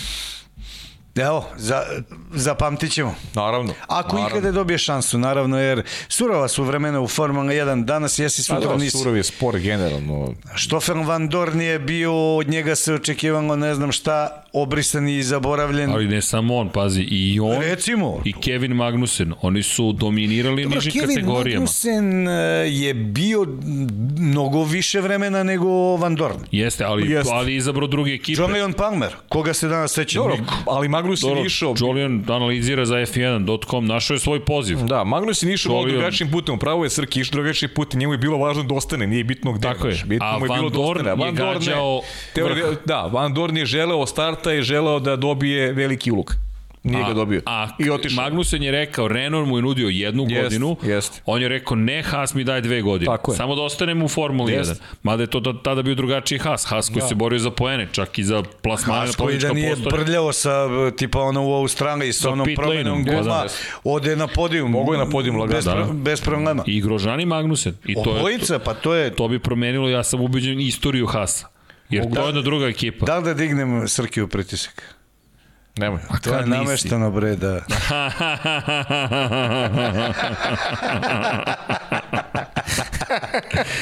to je zbog Ferrarija. Jeste, neko je tamo bio sa Bonsekom i menjao, se, menjao gume. Čekaj, stani, šalim se. znam da se, ma, znam da se šalim, čekaj. Znam i ja da se našalim. Kad? Pa evo, pokušao sam. Pokušao sam i sa Filipom, loše, ali se trudim. Ne, Kao što je pa rekao, dobre, nisi, dobre. Bio, nisi bio, pokušao sam. Žao mi što sam Filipa preskočio. Da, rekao je da mu je žao što je morao da ide, pa sam ga pitao ti žao što si otišao ili što si otišao s roditeljima. Da. Pošto ima 16 godina. Rekao nešto sam otišao. Pristojan momak. Filip?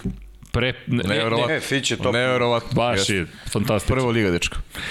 I tako. E, ostali, ostao sam dužan u priči o VRC-u u stvari ostao sam i ja tebi Imaš neka pa pitanja, imaš neka pitanja, ajde. Sad Ima ovde pitanja za tebe. I tebi, i Paj, a mi svi zajedno smo ostali dužni Pazi na mikrofon, ljudima. samo molim te.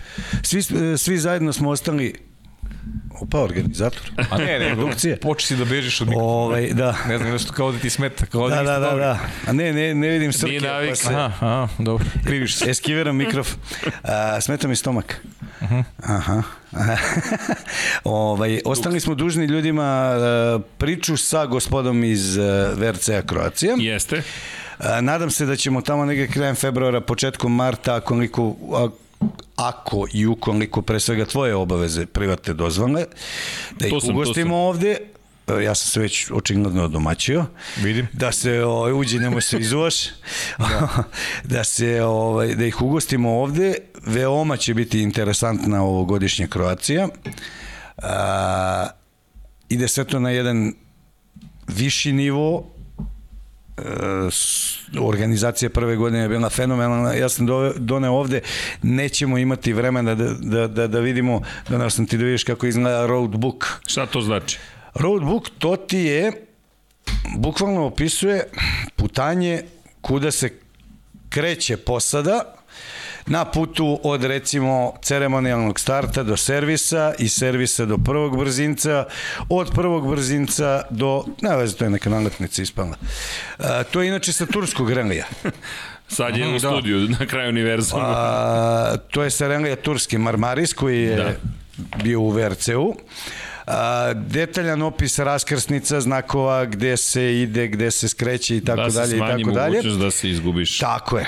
A, I pored toga dešava se, veoma je sve opisano lepo gde je start, gde je cilj, gde je a, i to je ono uz vremensku kartu, to je sve to pismo za rally posadu, pogotovo za suvozač.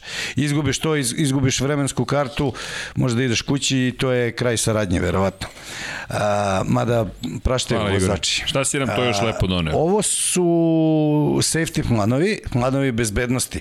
Kako recimo, evo recimo da uzmemo za drugi dan Kroacija Relija, kako izgleda uh, uh, uh, jedan plan bezbednosti, kako se izrađuje, gde stoje redari, na divnom si mestu otvorio.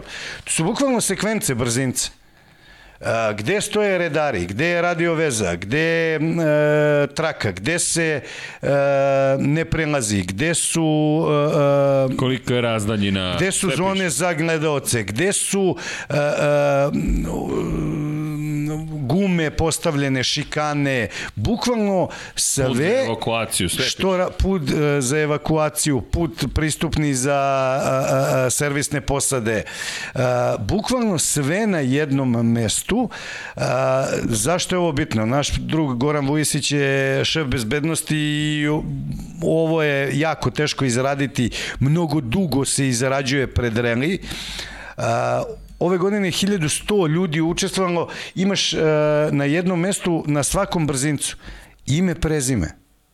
I broj telefona svakog, ali bukvalno svakog čoveka koji je redar, pa čuješ ono sa pišteljkama kada mm -hmm. oni nagoveštavaju dolazak auto. Bukvalno e, e, vodiči brzinca specijalnih ispita, ježim se kad čujem e, izraz etapa, jer etapa je između dva brzinca, između dva brzinca ve, da. vezni sektor, to je specijalni ispit ili brzinac, kako ga mi zovemo, ili specijalni ili kako god. Da, to ti je kao olimpijada. To je period, da, četiri da, godine, da, je to da, olimpijske da. igre, a ne Olimpijske igre, olimpijada, zna se šta je. Tako e, tako i etapa je nešto sasvim drugo, tu se ne trka, tu se vozi u svim pravilima saobraćaja, možda Apropo budeš kažnjen. hibrida, u etapi ideš elektromotorom. Elektromotorom, ali vidi, oni imaju dobace do 20 km. Jasno, jasno. Znači, e, istroše tih 20 km, onda idu dalje na konvencionalni pogon uh, i još uvek je zabranjeno da se 100% cedi baterija, baš zbog procesa procesa recharginga dopunjavanja, a kad uđeš u servis, klasično kao toster uključiš u struju i on ga dopunjuje, ali ne izbacuje. Ovo, Nije već toster, trofa zna. Da, dobro. Pa, Supercharger, Evo ga, sporet. Ljubitelj, ljubitelj. Ne, ja ne dam, ne dam. Okay. ne dam. A, šta je bitno? Boriš se za emociju, to je to. Tako je. Ove, go, ove godine je 1100 ljudi učestvovalo u organizaciji iz Hrvatske regiona. Ove godine 1600 ljudi će biti. Zajedno sa uh, volonterima iz Srbije, Bosne, uh, Italije, Slovenije, to je sve otprilike neka ekipa koju bukvalno tako mogu da kažem koja se poznaje, jedno dvadesetak ljudi iz Srbije, koliko god ljudi može iz Bosne i, i Hercegovine, iz Hrvatske, da ne pričamo sve raspoloživo, Slovenci, Mihal Levec i njihova ekipa i tako dalje i tako dalje. Bukvalno jedna, jedan zajednički rad, e to su ljubitelji, to je ono što mi mm. pričamo, ljubitelji autosporta. Svi rade u interesu da taj VRC protekne u najboljem redu, da svetski rally šampiona dođe na ovaj deo Bankana i e, samo da ti kažem, e, situacija sa Evansom i Ožijeom, Poslednja krivina u Kumrovcu, poslednja krivina Kroacija Relija je događaj sezone u VRC-u prošle godine.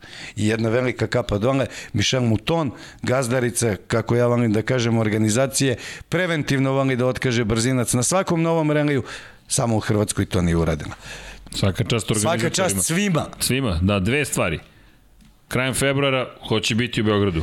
Da, drže seminar ljudima koji će raditi e, na, Odmah pod pitanje. na Croatia Rallyu i da, doći će svakako. Hvala. Potrudit ćemo se, dakle, Goran Vujesić, e, direktor bezbednosti i nadam se Danijan Šaškin, čovek koji je po znacima navoda krivac za to što je VRC stigao u Hrvatsku i sada dobija značajnu podršku države ne znam da li smem neke stvari da pričam, neke da ne pričam. Ako ne znam, bolje nemoj onda. Pa, Drugi put, ajde. Verovatno neće biti brzinac, ajde da ne kažem kojih negde oko Zagreba, nacionalni parkovi, ekologija, Srđanova, um, Dobro, životna sredina. Okay. Vidiš da sam u zelenoj majici. Tako je, nećemo plastiku, Srki. Uh, ide na Kvarner dole, to sam već najavio, ne može da se Dobro, priča biće gde još, ali bit će fenomenalna reli, novo, nova opština je tu negde oko Varaždina. Po...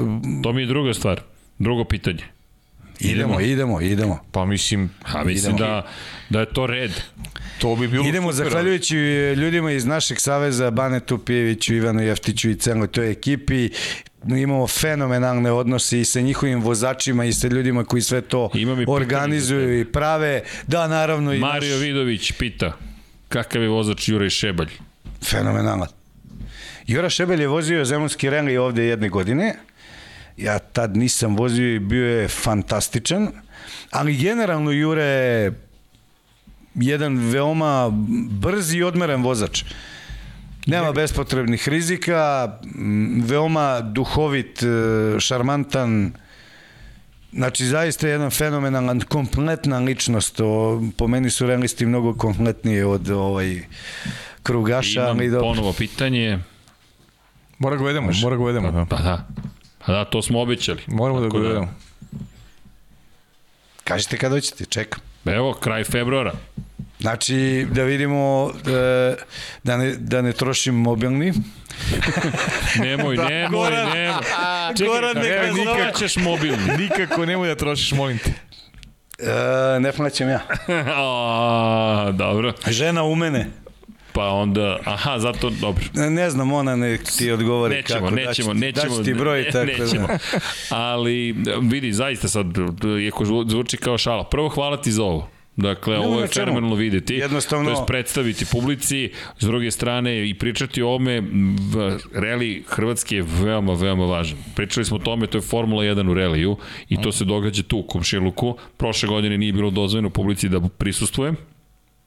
Rekli Nadamo se da će ove godine biti, ali uprkos tome uh, Formoa su vadili momci uh, Vukašin Tomić i ova naša ekipa koja je radila na tom brzincu, Formoa se slupao, pokazivao sam ti snimak. Yes. I baš su bili na VRC-u, oni se vide, guraju i čuješ na srpskom, aj sad napred. Malo svi su razumeli, ali dobro. Uh, fenomenalna jedna priča, ne- neverovatno, um, relisti su posebna vrsta ljudi i, svi koji rade u reliju, to je jedna bratija ozbiljna. Nije što on radi u reliju, nego... Ne, ne, ne, ne, jedna ne, ozbiljna ne, bratija ne, i, i, i sestrinstvo na, e, žena u motosportu, pogotovo u reliju. Ne možete da verujete. Evo Izabel Galmiš, prva žena od 97. ako se ne varam i Fabricije Pons koja je pobedila jedan VRC, ali koliko imate žena su vozačica, koliko imate devojaka koji rade u organizaciji, konkretno kod nas, imate 3-4 devojke koje su tu. Ne znam, Milica, Sofija, Jelena, Iva, Teja mala, zaboravit ću sve, ali neverovatan broj devojaka koje rade ozbiljno dobar posao. I ovde Super, ima super. devojaka. Pozdrav za dame. Uvek za dame, pozdrav uvek. Automotosport je velika ljubav. Elem, prođo je dva i po sata. Imam ja još stvari. Pa ima neka, ode, evo, recimo- Mislim da bi trebalo da se pozabavimo i pitanjima nekim, god vi da iskoristimo i što si tu. Pa pazi, hteo sam baš planski da dođeš relije i kada počinje nova era, prosto smatram da treba da budeš tu, da, da pričamo o tome šta se desilo, tome. zaista. Pita Deki Andrić, kaže, da li će sledeće godine u ovo vreme okačiti knjigu Puteva o klin? Zna on. Ćao deki, pozdrav veliki. A ja volim kad su ljudi iskreni i otvoreni i transparentni. Kaže da objasniš kako u VRC-u se pravila primenjuju. Ako si napravio grešku, kaznu dobijaš, pa možeš biti i 100 puta šampion. Pravila se strogo primenjuju. Jeste. A, to je e, dokaz jednostavno... Dobro. E, m, elek, elektronski se konstatuje ožije pravi e, e, e, jump start e, grešku prilikom starta automatski se dodaje 10 sekundi, nema priče i generalno zaista uh, Rene je tu daleko egzaktniji, mada evo, imali smo na početku nove ere ovaj e, slučaj sa Neuvelom. Ali opet je kažnjen. E, to je poenta priče. Da. Ti ovde možeš da budeš kažnjen za speeding, dešavalo se u Švedskoj 2012. recimo, ne znam kad smo bili, i gledam suvozač, e, Petar Songberg je, mislim da je, ne, e, Loeb, valjda nešto su mu uzeli dozvolu, i on je na, na etapama kroz saobraćaj vozio suvozač. U to vreme ne znam ko je još bio recimo Novikov, Rus, koji se potpuno izgubio, nema ga, Evgeni Novikov, on je isto vozio e, samo brzince, etape je vozio suvozač. Uh -huh. Jer nema dozvolu dečko. A još jedno pitanje samo, može sređene, da ispošte Ma, molim mnogo vas, ima pa pitanja. imamo puno kaže, pitanja. Kaže, da li Hyundai VRC u pod hitom treba da nađe šefa tima i da li je možda dobar izbor Gabriele, Gabriele Trkvini? Sad ja pričam odavde iz Beograda iz ove stolice, da li je dobar izbor? Da, šefa tima svakako treba da nađe tu. Sa Andreom Adamom to nije funkcionisalo po meni od početka, jer evidentno to i pokazuju rezultati i Navodno sad i vozači kao baš nam je bio super odnos, međutim to nije bio slučaj. Viđali smo mnogo puta u toku sezone dok, je bio tu i sa ove distance posmatrajući performanse Hyundai i20 e, mislim da je to bilo usko vezano e, ovi ozbiljni pratioci znaju, ja sam to pisao, pošto ja pišem za jednu reviju automobilsku i sad sam radio baš vodič za VRC. Hyundai je doveo Kristijana Lorioa on je bio dugogodišnji e, tehnički, ne inženjer, nego glavni dizajner Forda uh -huh. i pravio je sve te fjeste koje su jeli, e, lepo išle i dobro izgledale na stazi i donosile rezultate. Čini se da je u ovoj hibridnoj eri i Lorio i cela ekipa zajedno s njim, oni su smenili, pored Adama otiše i Alan Penas, tehnički direktor. E, stigo je ovaj Julien Monse, on je zamenik tima. E, predsednik Hyundai Motorsporta je ujedno i, i, i šef tima što meni nikako ne ide taj Steven Noh ili Noah ili kako već. Uglavnom mislim da uh, Hyundai podhitno mora da pronađe nekoga ko će voditi taj njihov brod ka ka nekom uh, mirnom moru, mirnoj luci, jer ovo ne liči ni na šta za sada što, što gledamo u Hyundai-u. Uh -huh. Hvala. Hoćemo da iskoristimo, da vidimo pitanja, ko sve ima pitanja, a ko su ljudi budni još uvek, čekaj. I valjda da u ovo doba ima toliko pitanja. A, pa evo ima... Jel ima više za formalni ili za VRC? Evo, evo sad MS 9993, da li mislite da ako Honda svim silama ne pomogne Red Bullu da napravi motor za 2022. Red Bull samostalno neće moći ništa protiv Mercedesa?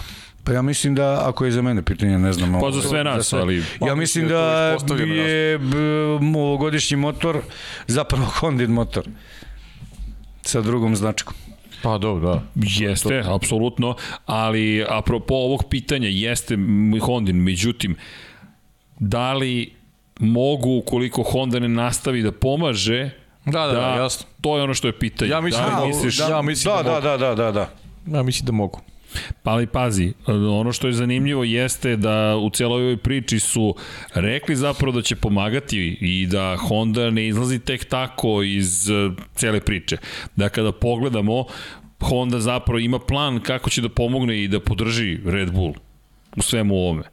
Tako da Honda nije izašla, možda zvuči kao da je Honda završila... Pa nije izašla, čim je Hondin motor tu nije izašlo. Mislim, uče. prodate intelektualna svojina, ali mm, vidi, pa, ali, Lep, nema evo, šanse da je... Lepo upakovana priča. Tako je, lepo ali, upakovana priča. Jeste, ja bih ali, tu stavio evo, tačku. Ali evo, izvini samo, šta, šta je Helmut Marko izjavio za, za Racing News 365.com? Rekao je prvo, morali smo to da postanemo, dakle, neko ko proizvodi motore, pošto je Honda izašla iz Formula 1. To je ono što se prosto desilo. S druge strane, ono što smo istog trenutka bili ubeđeni da možemo da uradimo jeste da mi možemo to da sprovedemo u delu i drugo da mi moramo da sami imamo sobstveni motor. Zašto? Ne vide drugi način da imaju kompletan taj takozvani paket bolid, vozač, motor, to je šasija kompletna, ajde, bolid, lep, da to bude, neka to bude izraz, vozač pa i strateška ekipa zajedno s motorom, ukoliko sami ne proizvode motor ili nemaju nekoga. I rekao, ukoliko kupuješ od drugog proizvođača, dobiješ nešto što može da te kompromituje, što može da utiče na tebe, jer ti moraš da praviš bolid oko motora koje neko drugi proizveo. Ovde ti sve držiš kod kuće, u kući i ti možeš da kombinuješ zapravo kako stvaraš bolid i kako se stvara motor. I to je ono što je nju i mnogo bolje uradio od McLarena u saradnji sa Hondom, gde je on u jednom momentu rekao, samo vi meni dajte manji motor, ja ću to da spakujem. I oni su stvarno postali su svetski šampioni, nisu u šampionatu konstruktora. Tako da... Pet puta već. I to je ono što se meni dopada u tom projektu Red Bulla, što ti ne vidiš ono ko to finansira, ali zna ko zna. I, I, i to i to primenjuju i to je jasno dovoljno. i to je, ne da je dovoljno to treba bude dobar to je dobar koncept e, danas je ili juče kad je rekao e, pitali su Jurija Vipsa o Helmutu uh mhm. -huh. Marku i celoj priči kaže ljudi oni oni su vrlo jednostavni ljudi i vrlo normalni za komunikaciju I naravno, sve van trka verovatno stvarno tako funkcioniš. Uh, jedu vozače, da, naravno, zato što neće da uložu brdo para u nekoga ko ne može to da opravda i ko neće uh, dostići neke visine. I sve Ali, čovek lepo objasnio. I, I pošteno od nekog ko nije dobio pravu šansu. Naš, I to, to Juri Vips, upravo Vips, to. Da, da, upravo on objašnjava te stvari. Da. I kaže, ja imam, kaže, fenomenalan odnos s njima. Ljudi, cilj je osvojiti titulu. Inače, samo ono što je, što je zanimljivo u celoj ovoj priči, ma, makar meni, jeste da su rekli da će Honda pomoći kada god bude nastao problem. Okay. Da odgovorimo i na pitanje i rekli su da sve što dobijaju od Honda za to plaćaju honorar. To jest ima cenovnik i Honda to naplaćuje. Ono što se postavlja kao pitanje jeste pitanje ljudstva. Da li će biti dostupnog ljudstva i zašto mislim da su 2023. četvrta možda kritične godine za Red Bull, zato što mislim da do 2025. će znanje već početi da se gubi. E, zašto to mislim? Ako Honda izađe iz te priče, to je ako njeni inženjeri ne učestvuju u tome, da sve manje imaš ljudi na koje možeš da se osloniš. To, to je prosto priroda stvari. I još jedna stvar, izvini, i Formula 1 je prešla u HRC zapravo. Inženjeri su prešli u HRC koji se preimenovao Honda Racing Corporation, zvanično se tako zove, ali sada je to Honda Racing, promenili su i logotip, to su vesti iz MotoGP-a, ali ono što je zanimljivo jeste da je Formula 1 otišla da bude deo MotoGP praktično projekta, to je Honda trkanja, Honda Racinga. Tako koji je Honda i dalje je veoma prisutna i mislim da će Hodgkinson i ekipa za, zapravo uh, ove godine biti zadužena pošto je motor napravljen pa je napravljen. Uh, mislim da će oni biti upravo uh, zaduženi za pod znacima navoda krađu te intelektualne svojine i know-how da jednostavno skapiraju kako stvari rade, da dobiju sve na tacni od Honda i njihovih inženjera i da će dalje gurati sami. Da, inače... Dok ne dođe Porsche. Da, evo i poruka za mene. Srki, pogrešio si prošli put da rekao si da je, ne znam tačno, da je James Key glavni za aerodinamiku u McLarenu, čovjek je nevjerojatno može da bude novi Bron Grand Prix. A James Key nije nepoznato ime. James Key je i tekako James poznato. James Key je poznato. I tako je. Od Scuderije, Zaubera. Tako je. Dakle, James Key je neko ko još u Jordan Grand Prix uradio i ono što je razlika, James Key nije glavni za aerodinamiku, James Key je tehnički direktor tehnički McLaren. direktor, da. Tako da pod njim su zapravo timovi koji moraju da stvore sve ono što on kaže da treba da se stvori. Tako da James Key je stariji čak i od nas i čovek je ko je dugo u Formuli 1 zaista, tako da je on malo drugačiji i kao što si rekao, on je dosta toga prošao i Toro Rosso i Zauber i ne znam šta sve nije prošao. Ozbiljne, Jeste. ozbiljno je ime Formula 1. Tako je, tako čak i u Spikeru bio. Tako da James Key nije nepoznat, ali nije zadužen za zapravo za aerodinamiku, samo on je tehnički direktor, to je mnogo ozbiljnija uloga, ako možemo kažemo da ovo ne ozbiljnija, ne ozbiljnija, mnogo odgovornija uloga. Ajde, hajde tako da se izrazim, ali hvala u svakom slučaju za informaciju. Inače, e, što se tiče, eto Honda, nadam se da smo uspeli da odgovorimo, uz adekvatnu podršku mogu da budu konkurentni. Činjenica gorivo predstavlja problem za Hondu, ali ljudi, ta E10 kombinacija niko ne zna zapravo dok se ne iđe na stažu šta, da, šta tu da očekujemo. To meni nismo pričali. Na gorivu može da se biti. dobije, a boga mi izgubi mnogo. Da. Inače imaš od Baneta, Baneta pitanje, ali u jednom minutu da odgovoriš. Pazi, on ti je dao. Opa, Opa, ograničio ti. Dobro, ne znam zbog čega. Šta, ne znam nija, baš sam iznenađen. Uh, šta misli o Naskaru? Igor, to si ti. Dao sam odgovor. No, okej, okay, ne razmišljaš o tome. Ova me za ćevape. Okej. Okay. Pošteno. Ja mislim da nije, samo da se razumemo, ali... Ova me je za ćevape. A gledaj Raš u Los Angeles Koloseumu šestog. Prvi put u istoriji idu u Los Angeles Koloseum na mesto letnih olimpijskih igara iz 1984. i tamo će da vode raš, voze raš sa prošlogodišnjim automobilima. Čuko da si mi ispisovao sad e, nisam živo. te ispisovao kao znači, vod, kao okay, ne protiv, okay, treba da ispratiš. Nemam Inače, pojma majke. Ivan Cvjetković pita, okay. hoće li se voziti reli u Hrvatskoj po istim etapama i kao prošle godine i... Neće. Da, eto, neće. I kako je pravilo u VRC-u u vezi sa time? Da li postoji neko pravilo šta mora da se ponovi u reliju ili ne? Ne, ne, ne. ne. Ima jedino ne može uh, isti brzinac da se vozi tri puta uglavnom ne može, tri puta u danu i ne može isti dan u kontrasmeru da se vozi specijal. E. Može narednog dana da bude u kontrasmeru, a... Udri pa evo. Muhamed Hajdari, u, e, u koju grupu ja VRC ide Suzuki je skudu i može reći par stvari o tom automobilu? Mm, u VRC ne ide, koliko ja znam za sada, nemam predstavu, poslednje od rally e, varijante ozbiljne Suzuki je bio Ignis sa Pergunar Andersonom i tom ekipom kad su bili uh -huh. fabrički tim. Da, nisam čuo ni da je Skudo i da je planiran. Ja sam poslednje što znam za Skudo, što sam čitao da, je, da su napali Pikes Peak. Ali to je to je automobil to je druga priča. Brdo. Pa, Inloeb je dobio Pikes Peak sa ovim Peugeotom. Pa da, ali to je I specijalno pravljeno. Wagen jedino što radi ID ovaj na struju za Pikes Peak. A vidi, Muhammed Hajdari napada sa svih strana, evo da, da, da, YouTube četu. Okay. Trebali se menjati pravilo za, za safety kartu za vozilo bezbednosti, da čim napravi kolonu, bolidi moj, e, mogu odmah da prolaze is, u vodeći krug. Pa, da, ali nije bitno. Da, ne, ali ima tu još jedna stvar, ali Igor, postoji još jedna stvar. Ukoliko je staza u neadekvatnom stanju neće im dozvoliti to da učine. Dakle, e, nije dovoljno da se stvori kolona. Mora Podrazumeva da se da postoje uslovi. Tako je. Tako da dok se ne sredi staza moraju da ostanu u koloni koju kontroliše vozilo bezbednosti. Da li je to podrazumeva ako je incident na startu ciljnom pravcu prolaza kroz pit lane. Ili... Tako je. A tako da te dve, ta dva uslova moraju da se ispune. Izvinja se, Damjan Cvijović, da li vidite odlazak Ferrari iz Formule 1 ako u bliskoj budućnosti ne urede nešto nikad, značajnije? Nikad, bravo. U smislu, tva, evo, odgovorom je bukvalno isti da. od svoje trojice. Nikada. F1 jednako Ferrari, Ferrari jednako baš F1. Tako, Identitet tako. Ferrari je direktno vezan za Formulu 1. Takvu šta, taštinu i zaostavštinu imaju i to je pa, kraj priče, da ne pa, gubimo vreme. U, hoćemo iskreno. Identitet Formule 1 je direktno Zavisi, vezan tako za Da ne gubimo pa, vreme, ne samo Ferrari, verovatno da ispoštujemo, probamo ispoštujemo što više ljudi ljudi. Tako je. Ali da, samo, samo kratko apropo ovoga. Samo, samo, evo, zamislite da u Ferrari, da Ferrari nema u Formuli. Ma ne, to je, I za jedne i za druge. Ne, zamislio. Pa nema, nema više Formule 1. Srki je rekao krucijalnu stvar, upravo to, i za jedne i za druge. Pa Kraj da, priče. pa to ti kaže, vezino tkivo, znaš, nije Jest. samo... Dakle, krvi krvna plazma.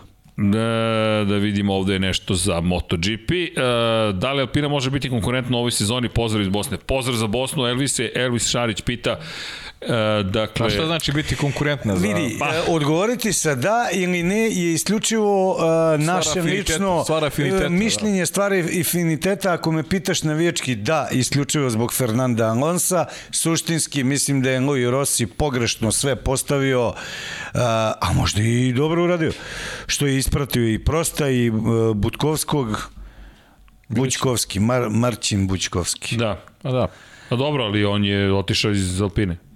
Pa kažem, znači... Pa to on kaže, Rossi ga ispratio, Rossi ispratio sve. Ali Rossi ispratio i Prosta i... Dan je Schaffnauer, da, prosta, pa, da. pa i Prosta i njega je, je sad Dan je Schaffnauer pa, prava priča, jer će uh, uh, starog, moram Srki da kažem, Šibicara Briatorea da dovedu, jer taj Mislim da taj izraz odgovo, odgovara. Tako da. Da.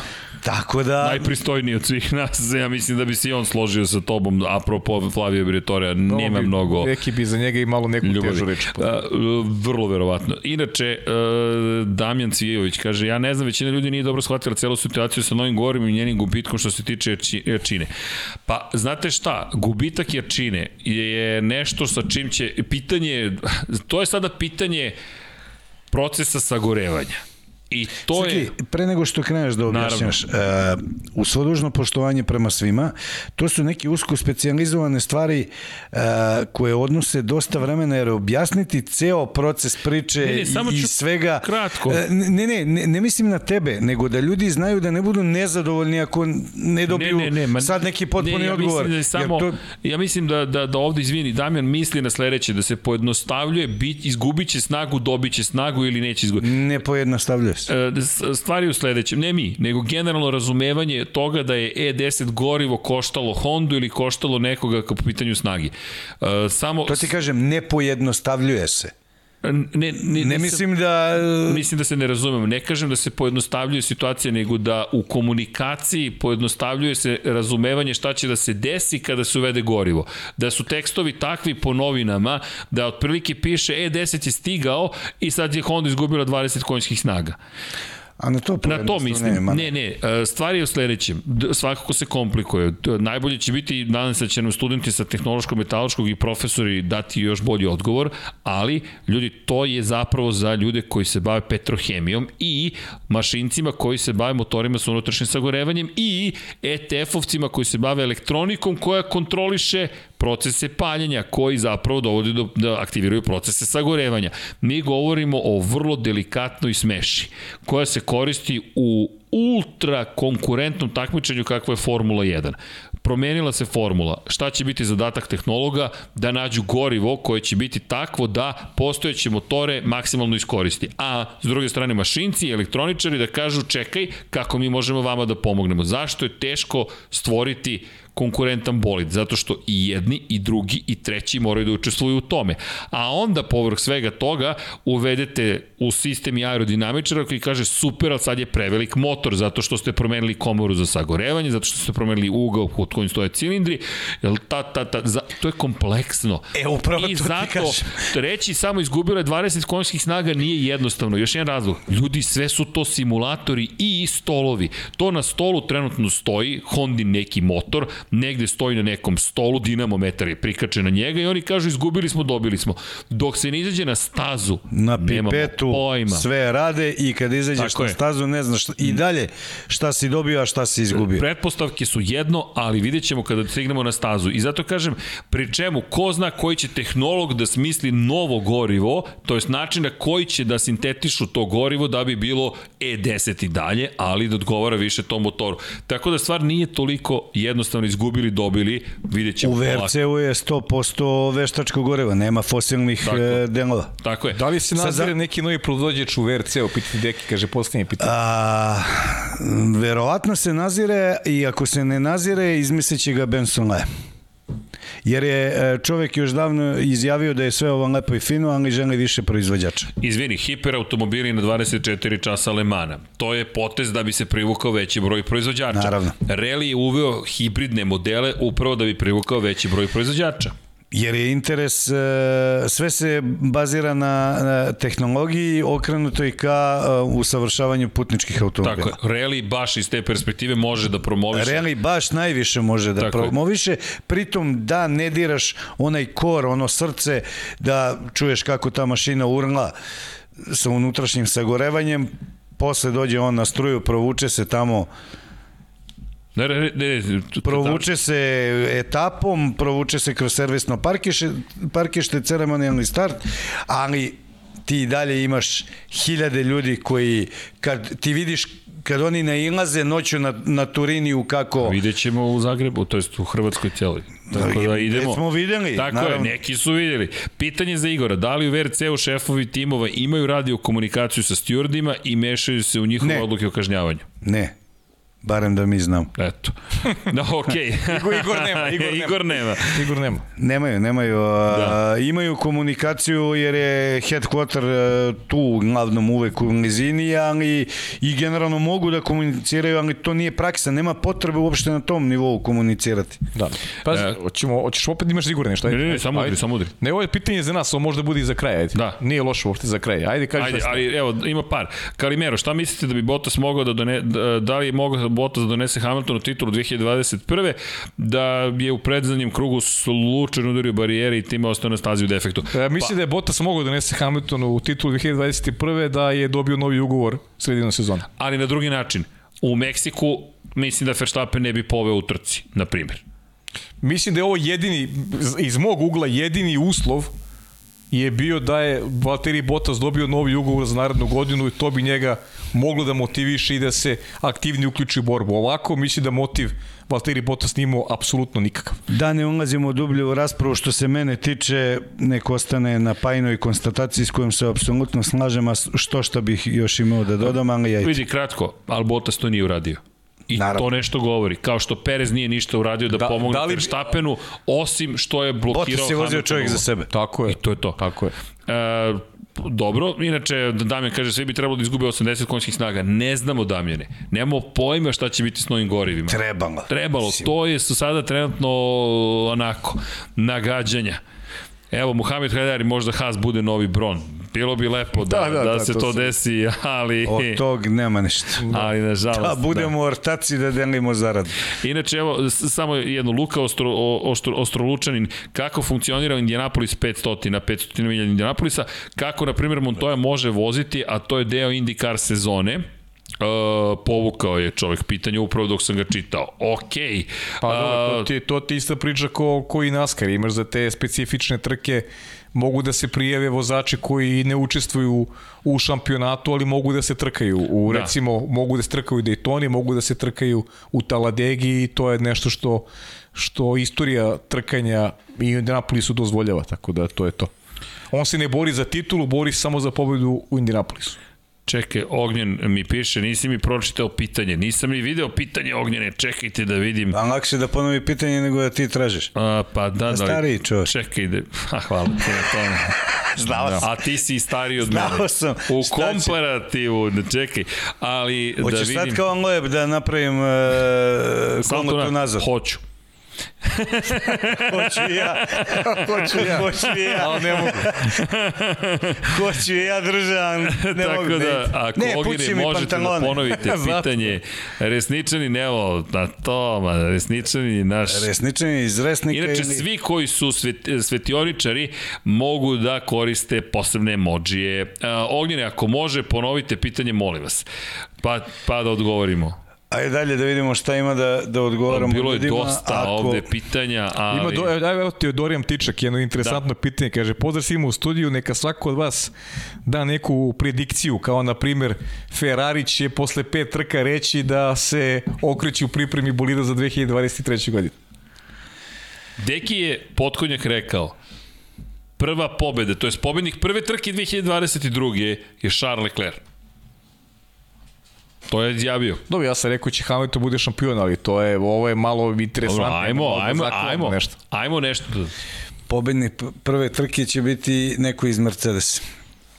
Ma ne, a to je predvidivo, daj ne. Fernando Alonso će zabeležiti pa pobedu ne, naredne sezone. Ne mogu da kažem da ću ja Evo, pobedim. To Fernando je isto, Alonso će kažeš, zabeležiti pobedu naredne sezone. Kad pa da, kažeš da će Mazepin da pobedi, veće su moje šanse. Ali prognoziraj nešto što će se desiti, a iznenađujuće. Evo, ovo što je rekao Dorijan Tiček, meni onako zvuči mnogima možda onako šokantno, ali nekako... Iznenađujuće, Verstappen neće da, da snulpa Hamiltona i završit će drugi. Dobro. Ja vam kažem, Fernando Alonso beleži pobedu A, To sam godine. teo da kažem, Fernando Alonso ne beleži pobedu, mislim da će da bude na podijumu, recimo, prva trka. Pobeda. Da, Pobeda. ja bih rekao podijum. Kaže, Srki pita Igora da li ga Evo ja ću plaši... ja kažem, Esteban Okon će pobediti e, da, i ove sezone. Može, može biti da si od svih nas najviše u pravu. Može, može, može da biti. Može. Srki pita Igora da li ga plaši F1 da postane amerikanizovana i da F1 bude NBA, NFL i baseball da, da uvedu. Ako je Igor, da nemoj druže, uh, uh, isteraće me odavde, više me nikad neće ne, zvati. Ne, ne, nema, ne, ne. Pošto defense, defense. Polo vreme, a sada peva Britney Spears ili ko već peva. Uh i idemo Čekaj Britney, stani, hot dog, stani, kokice, debeli stani. Amerikanci. Slušaj Muhamed Hajdari šta predviđa. Mike će biti pobednikom, a inače mi smo fit nas trojica. Šta ja nisam kao? Ne, ba, uvukao ti se ne, duks. Ne, ne, pa ne, to je, to je duks sa stomakom. Da, da. Ti si, ti super izgleda. Mike. stomakom, vidi. Ma ne, duksi nije do tebe, Slušao, do duksa. Kakav lepotan. Mik će biti pobednik u Mađarskoj. Ko? Mik Šumacher. Mađarskoj. Ako se to desi, e ajde, ajde, imamo to 99 jardi, ja sam već farbao Ako se to desi, evo može me vodi na ćevap. Mohamed ne, ne, ne, Hajdari je gost podcasta, ako se to desi. Da. Mohamede, evo, vi ste gost. Evo. To je, to je najveći ovaj, Dajem mu ceo pobednik. moj honorar mesečni za podcast. I, inače, rekao sam, izgleda sam rekao 2021. godine da će pa, pobediti. Okay. 2022. Amir mi okay. kaže, Zrki počela 2022. Hvala Amir. Dobro, ti ne, nisi čekao ovu godinu, znam. Ok. A, a, kaže, šta mislite o tome što je Perez rekao da će se boriti za titulu? Pa to je u sklopu onih, onih Mislim da je u skladu sa pa izjavi, pa to je, da. moraš to da izjaviš, A, ali... Da. Svaka ljudi, baba ima svoje veselje. Vidi, da, evo, čekaj, polako, stani, ali imamo Fioku, zvanu nije se desilo u 99 yardi, ja bih otvorio tu Fioku, ali drugu Fioku neće se desiti. Nažalost, ali nije on doveden da bi se borio. Dobra zimska zanimacija da. u pauzi spuste iz Kitzbila. Da, da, inače, pitanje, uh, pizza, piti, pita Aca Ristić, Srki, da li je ovo, gladan sam, da li je ova sezona prekretnica za Daniela Ricardo u Formuli 1? Koji put? Pa, da. E, to je dobro, to je savršen odgovor. E, Igore, čekaj. Evo, ruka. Ovako dakle, srce. Ovo je bilo... Koji put, da. Ali stvarno je idealan odgovor. Koji put postavljamo to pitanje? Pa mislim da neće. Mislim da će Daniel Ricardo biti Kimi Raikkonen novi, da ćemo ček, da će, da će dostati još 10 godina u Formuli 1, da neće imati, nažalost, rezultate koje smo od njega preželjkivali, očekivali, ali da će uvijek biti tu. Pa zavisi od njegove da glave, da će... kako on gleda. Ja mislim da neće osvojiti titulu prosto. Drugačija priča Kimijeva je bila nakon one titule koju je osvojio, to je, naš, imaš I... jedan jedan komfor imaš uh, sam sa sobom jer si, jer si ostvario rezultat koji, kojim teže svi oni žele da budu šampioni.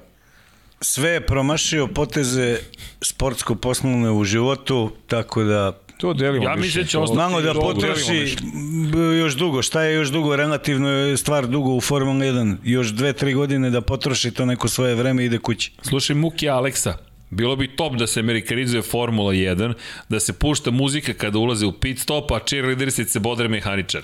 Ako nije ciničan, uh, ako nije ciničan, pitao bi ga koliko 14 godina ima. Ali dobro.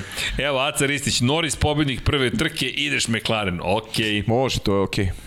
Nije uh, Ognjen, Ognjen, da pitam Igora da li je istina da se bio na Marekani 1991. protiv Bajerna. Opa. Jeste, što, što da nije? Pa nemaš samo ti ciju. što da nije? I... nije bio samo tamo. Da nije. Ovo da vam kažem, nije samo tamo bio. Pa bio sam i u ovim e, novim dostignućima i u Atini i Znam, u Trnavi. da, nije da, tajna. Bio, da. nije tajna, ovo je to zbog sina.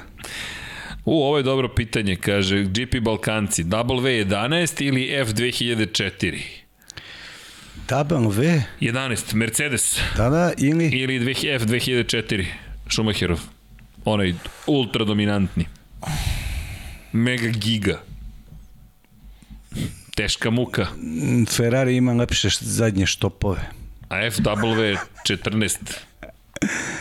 B. A, ne, M, McLaren MP44. Ne može da se odluči čovjek. Tačka. Custom mu je već ovo. Već... Ne, ne, ne, ne mogu da se odlučim. On ovo vreme spava da, već, ne može ono, teško. Ne, to je lepo bilo tad, za razliku od e da, grdobina. Elvis kaže, izvini, ja verujem da Russell ove sezone može biti u jako važnoj ulozi u Mercedesu ako dobije dopuštenje od svog menadžera. Drugi deo rečenice je presuda prekritičan, ukoliko Kritičan, dobije. Kritičan, presudan, oba, oba pojma e, su... To će biti Nared, narednih godinu dana će biti ključni. Šta ako Russell se otrgne kontroli? Ne, ne može da se odrgne. Da, ok, ne. ne, to je, ne može stiglo stereo, vum. Samo to to kaže, sedi miran i to je to. Sedi jedan. E, Đorđe Marković pita da li Nikita Mazepin može da pobedi Šumahira sledeće sezone. Može. Ja bi se... Ali, a šta mi ćemo generalno plasmanu ili na trci? Ja bih rekao nešto u svom stilu. Pa, u, u u, tr, u, pretpostavljamo pa šampionatu. Pa može na trne, ja mislim generalno plasmanu ne, ali može ga pobedi nekim trkama sigurno. Uh, Stefan Netljuć, Srki, kratak komentar na Bills i Chiefs je savršena utakmica sa lošim pravilom za produžetke. Dobro, Samo to. to da su imali pravilo da imaju i posled lopte Bills i posle touchdowna Chiefsa savršenstvo savršenstava. Yes, Eto. Yeah. Poslednji dve, ljudi, ludnice, poslednji dve minute. Verujem, verujem. Uf, baš je bilo super. Znam da ljudi... Resničanin, ma Ferrari ima bolji zvuk, čao, nema razmišljanja više F2004. Može Resničanin, šahmat. Moš. Šahmat. Moš. Tačka. Pobeđen si uh, notke. Pa Ništa sad. bez V12 motora, pusti A, ovo je Ferrarijevac. Sve. Ovo je sve... E, sad otišao si, aj, nije osvojio nijednu titulu. Gde sam otišao, jesi ti pratio to? Pa jesi pratio? Jesam. Pa šta Samo onda? Samo Paja nije. Pa do jeste, pa je tad, tad, ja sam bio da. mlad. Pazi sad, notke, kaže, Williams je potrošio sve tokene, tokene ispao najbolji tim. U posljednoj trci Hamilton i Albon se bore za titul i Hamilton ga zvekne na isti onaj klasični način. Aj, notke, ako se to desi... To, za, ne ostane zapisano. Otvori, otvori da onu fioku. Fioka, nije, neće se desiti, Otvori da tu fioku. Da pohranimo više tu tih pitanja da. koje imamo. E, dobro da nisam igrao težu igricu od F1 2021 i VRC 9, kako li tek pilotima istih u stvarnom ja životu Ja nisam od Tetris. Jeste. Šta će doneti McLaren ovo prednje vešanje u 2022. Aco, da vidimo mi to prednje oslanjanje, da vidimo mi šta su oni spremili. Dalje taj pull, road, pull road. Sad ti ulaziš pull road, push road, ovako, onako, to je za neku tehničku analizu. Da ti se Čekamo. jednostavno odgovori na pitanje jako je teško. Znači, mi bi prvi volili da možemo to da kažemo i da znamo i m, pritom nismo ni kompetentni kao tehničari neki da pričamo o tome, ali jednostavno e, Srki u pravu. Treba sačekati i videti. Ljudi, mora se sačeka. Jednostavno, inače, Vojasinović TV, ma kakvi vaši bolidi iz 2000-ti? Bolidi iz 80-ti pun gas kroz boks. Da, to za one koji ne znaju, nekad nije bilo ograničenja brzine zapravo na ulazku u pit lane punim gasom su prolazili pored garaža. Nekad su ih hvatali u odbojkašku mrežu kad se slupaju Jacques Lafitte i Jean-Pierre Jabouille kad izlete u Zandvortu odu u more. E, pa dobro, u Monaku Understop. su vadili Šta ćemo, ko se seća švedskog understopa? Pa, pa da, ali pa, u Monaku su vadili ljudi iz Luke. Ginuli su ljudi pod bankinom i isto nema... Um, Bilo je aj sad, svega. E, ne mogu da se setim ko je tačno. Pitanje šta mislimo o Niku Rosbergu? Pa sve nam je bolje i bolje mišljenju Niku Rosbergu, moram da vam priznam, iz trke u trku i godine u godinu. Ja ništa. Nedostaje. Inače, ste čuli da je Niko, pitali su Nika Rosberga kako se ti osjećaš što je Lewis Hamilton rekao da je savršen klubski kolega bio Valtteri Bottas. I, I rekao je Niko, smatram to da je nepoštovanje prema meni. Našalio se Rosberg i rekao, ljudi, Bottas je donao ono što nije postojalo da smo bili tu Lewis i ja, a to je mir u kući. Pa naravno. I to je kraj priče. Meni bi to bila pohvala da sam... To jeste, jeste, ne, Niko, Niko se lepo nasmeo. Da, na, na, naravno. I da li mislim da se neće više vraćati? Neće se sigurno više vraćati. A de sad posle On je sad naš čovek, youtuber, pod stare dane. On je čovek otišao tatinim stopama. Mada Keke je, ajde, uzeo tu titulu i on je imao tendenciju i želju da nastavi dalje, ali nije uspeo da ponovi taj uspeh, a niko nije ni želeo. Da, inače, e, samo još jedno je Pajo, pa da polako završamo. F1 Kro, zašto je Williams uzeo Albona pored De Vrisa? Pa... Zato što su menadžeri odlučivali o tome. Zato što, pa možemo reći da je bolja konekcija. Postoji ozbiljna konekcija Red Bull, Volkswagen, to je sada Williams. A zamisli ti interese kad ti raskineš sa Red Bullom da bi otišao u Williams? Ali vidi, da li si raskinuo sa, sa Red Bull? Za sada si raskinuo, ali tako? Da li si raskinuo? Navodno je bilo da ga je e, Red Bull oslobodio svih obaveza. pa čekaj, da, da, Red Bull je nastao na Tajlandu. Tajlandjanin. Pa dobro, Britanac. Šta je? I Britanac. Kojemu opcija Britanski bila? Tajlandjanin. Da, kojemu opcija bila druga? Kome? Pa, pa ne, Williams, ovo je za pitanje za Williams, a za Albona je jasno, nije imao drugu opciju. Ne, Albon nije imao, Williams imao. Ok, Williams ima. Williams ima, ali očigledno se igra po nečim taktovima i to je normalno, potpuno legitimno. Vidi, ja dalje gledam kao Volkswagen. Tako je. A, mislim da je to ozbiljna opcija. Williams i dalje nije u poziciji da može mnogo da kaže, toga. ok, ja ću da uzmem tog vozača, njima treba svaka vrsta podrške i dalje nisu ekipa koja može da preti bilo čime. Pa ni Bottas nije otišao, mislim nije otišao, kao jedan od razloga je upravo bio taj, kao što je bila priča sa Mercedesom, a hoću bre višegodišnji ugovor. Nema mi dajete na godinu dana. Pajo, šta je tvoje pitanje za kraj? Za the end? Ne, nemam, meni je ugasila se baterija, nema više pitanja. Ček, sad ćemo Otišu to telefon. Otišu telefon. A koje je bilo pitanje, sećaš? Nemam, ne mogu setiti, ne znam. A, ček. Ja nemam pitanja. Pa nema veze, mislimo, nije, nije ništa, ništa. Ti nemaš pitanja? Da. E, ma, ti si čovjek. Magična torba. Šta sad? Šta vadiš? Pa imam ja, imam ja ovdje. E, monter elektromreže i postrojenja, takozvani banderaš. Čovjek provodi struju. Šta vam treba? Imam ja, čovjek rade struju. Voli? Ne, pa nema veze, ma nema veze, sad ćemo otvorimo, nema veze za neko pitanje. Ajde. E, Se otvori telefon dok ovo, dok ono. E, ja, izvolite. Au. Bolje ako ti imaš još neko pitanje i da se razilazimo kibit mesa. Evo, zaključio bih sa Muhamedom Može. Hajdarim još 15 dana do prvog bolida. Pa eto. Taman. Lepo. Taman. Lepo. Bukvalno taman. Za 15 dana imat ćemo... Da. Inače, sledeće nedelje ćemo da se družimo na malo drugačiji način, s obzirom na činjenicu da ja moram na put, moram da vratim na, na put. roditelje kući. Put. Znači, Paja, Deki i ja. Razuzdali su se. Znači, Paja i Deki. dakle, Paja. to je to. Dakle, kako... Pustite mi, pustite mi kišu samo i sve od radim, radim od kuće zbog korone. E, ljudi... Biće Vanja, biće Vanja kao Monty Pythonovcima. John Cleese sam ovde. dakle, ja se nadam da ste uživali, mi smo se lepo zabavili, kao da. i uvek, nadam se da smo pokrili i teme i da smo... Izvini, imam ja, e, e imam, Ma, imam, imam ja jedno čekaj. pitanje za sve ljude. da. Pošto, evo sad si lepo čekaj, rekao. Igore, sad ti je trenutak da kažeš udrite like i subscribe. Uh, like, Join. subscribe, to je... Kako to, to, to sam trenirao. Azbuk, azbuk. to u kafani oko 3 ujutru mogu tečno da izgovorim, to je subscribe. Nije kafana, nije to još, subscribe. ali... ali... Subscribe. ovo kad je normalno, onda teško ide. E, znaš šta, vreme je za novu kafansku pesmu, like i subscribe.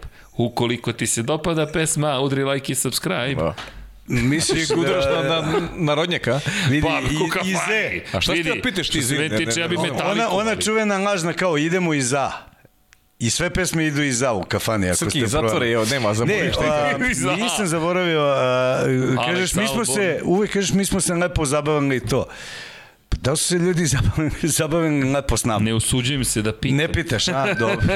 A vidiš, ja volim sve da znam. Ja volim sve da li ste se lepo zabavili Kaže, sa ne, nama? dosadni ste bez veze.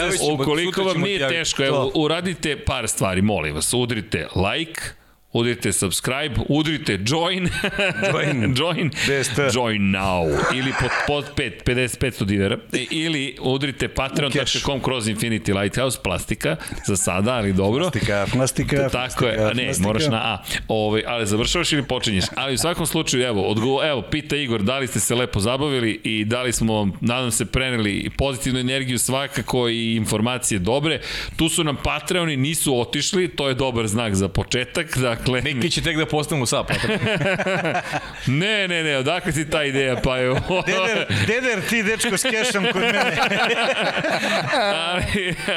Viš izgleda, dobro pratio prethodne emisije. Keš u džepi. Treba da uradimo, treba da kupimo kasicu neku da, da je držimo tu. Ama, pa viš da pekerom leba ne plaće, bre. da, u svakom slučaju, eto, nadam se da vam je bilo lepo. Udrite ne like i subscribe, već 917 na 3030, da pomognemo jednom momku, e, reč o njegovom vidu, Human 917 na 455 ukoliko ste u Švajcarskoj. Čekaj, to je Igore, to je elektronski novac 917 na 3030. Tako da uradite nešto pozitivno iz te perspektive, 30, pozovite, 30. tako je, pozovite neko voljeno biće, roditelje, decu, braću, sestre, prijatelje, koga god, recite im da ih volite, poželite im laku noć, pošaljite neku romantičnu nežnu poruku, možemo i da budemo nežni, čak i kada se bavimo benzinom i ljutim stvarima, prosto tako mi funkcionišemo ovde i naravno želimo vam i laku noć i lep ostatak nedelje. Moto Grand Prix podcast sutra će biti emitovano 21.00, ali će biti snimljen s obzirom da činjenicu da mene čeka stan jedan malo tuži put. Moram da odem po mamu i tatu, možda su i u komentu negde u četu, ali da im pravim društvo, stigli su ih neki godinice, pa ne smeju sami da se vraćaju kući, otišli su na neki dalje put. E, taksi da, može. Bato, treba vožnja. Može, može. Sutra, sutra u 10 ovde. I šta sam ja radio za 54 eura sve? Idemo, ne znam li znam šta će za 5,4. ali... A, dirhama. Kuvajtskih dinara. Ali... A, za sve imam. Spremno. Ima tarifu za sve. U svakom slučaju, da. Ali sve je okej, okay, nemoj da brinete, nije ništa strašno, samo što eto, potr, moja prisustvo je neophodno i tako dalje, ali bit ćemo tu, javljaću se iz Južne Amerike, ni manje ni više, nosim opremu, Vanja je sve pripremio. Španija, Kolumbija, to je muzički Ne idemo u Kolumbiju, idemo u Čile, ali dobro, sve je okej. Okay. Klasika. Klasika, naravno. Javit ću vam se odande, pa nadam se da ćemo napraviti dobru konekciju, neće biti klasičan Zoom, pola opreme nosimo, ne baš pola, šalim se.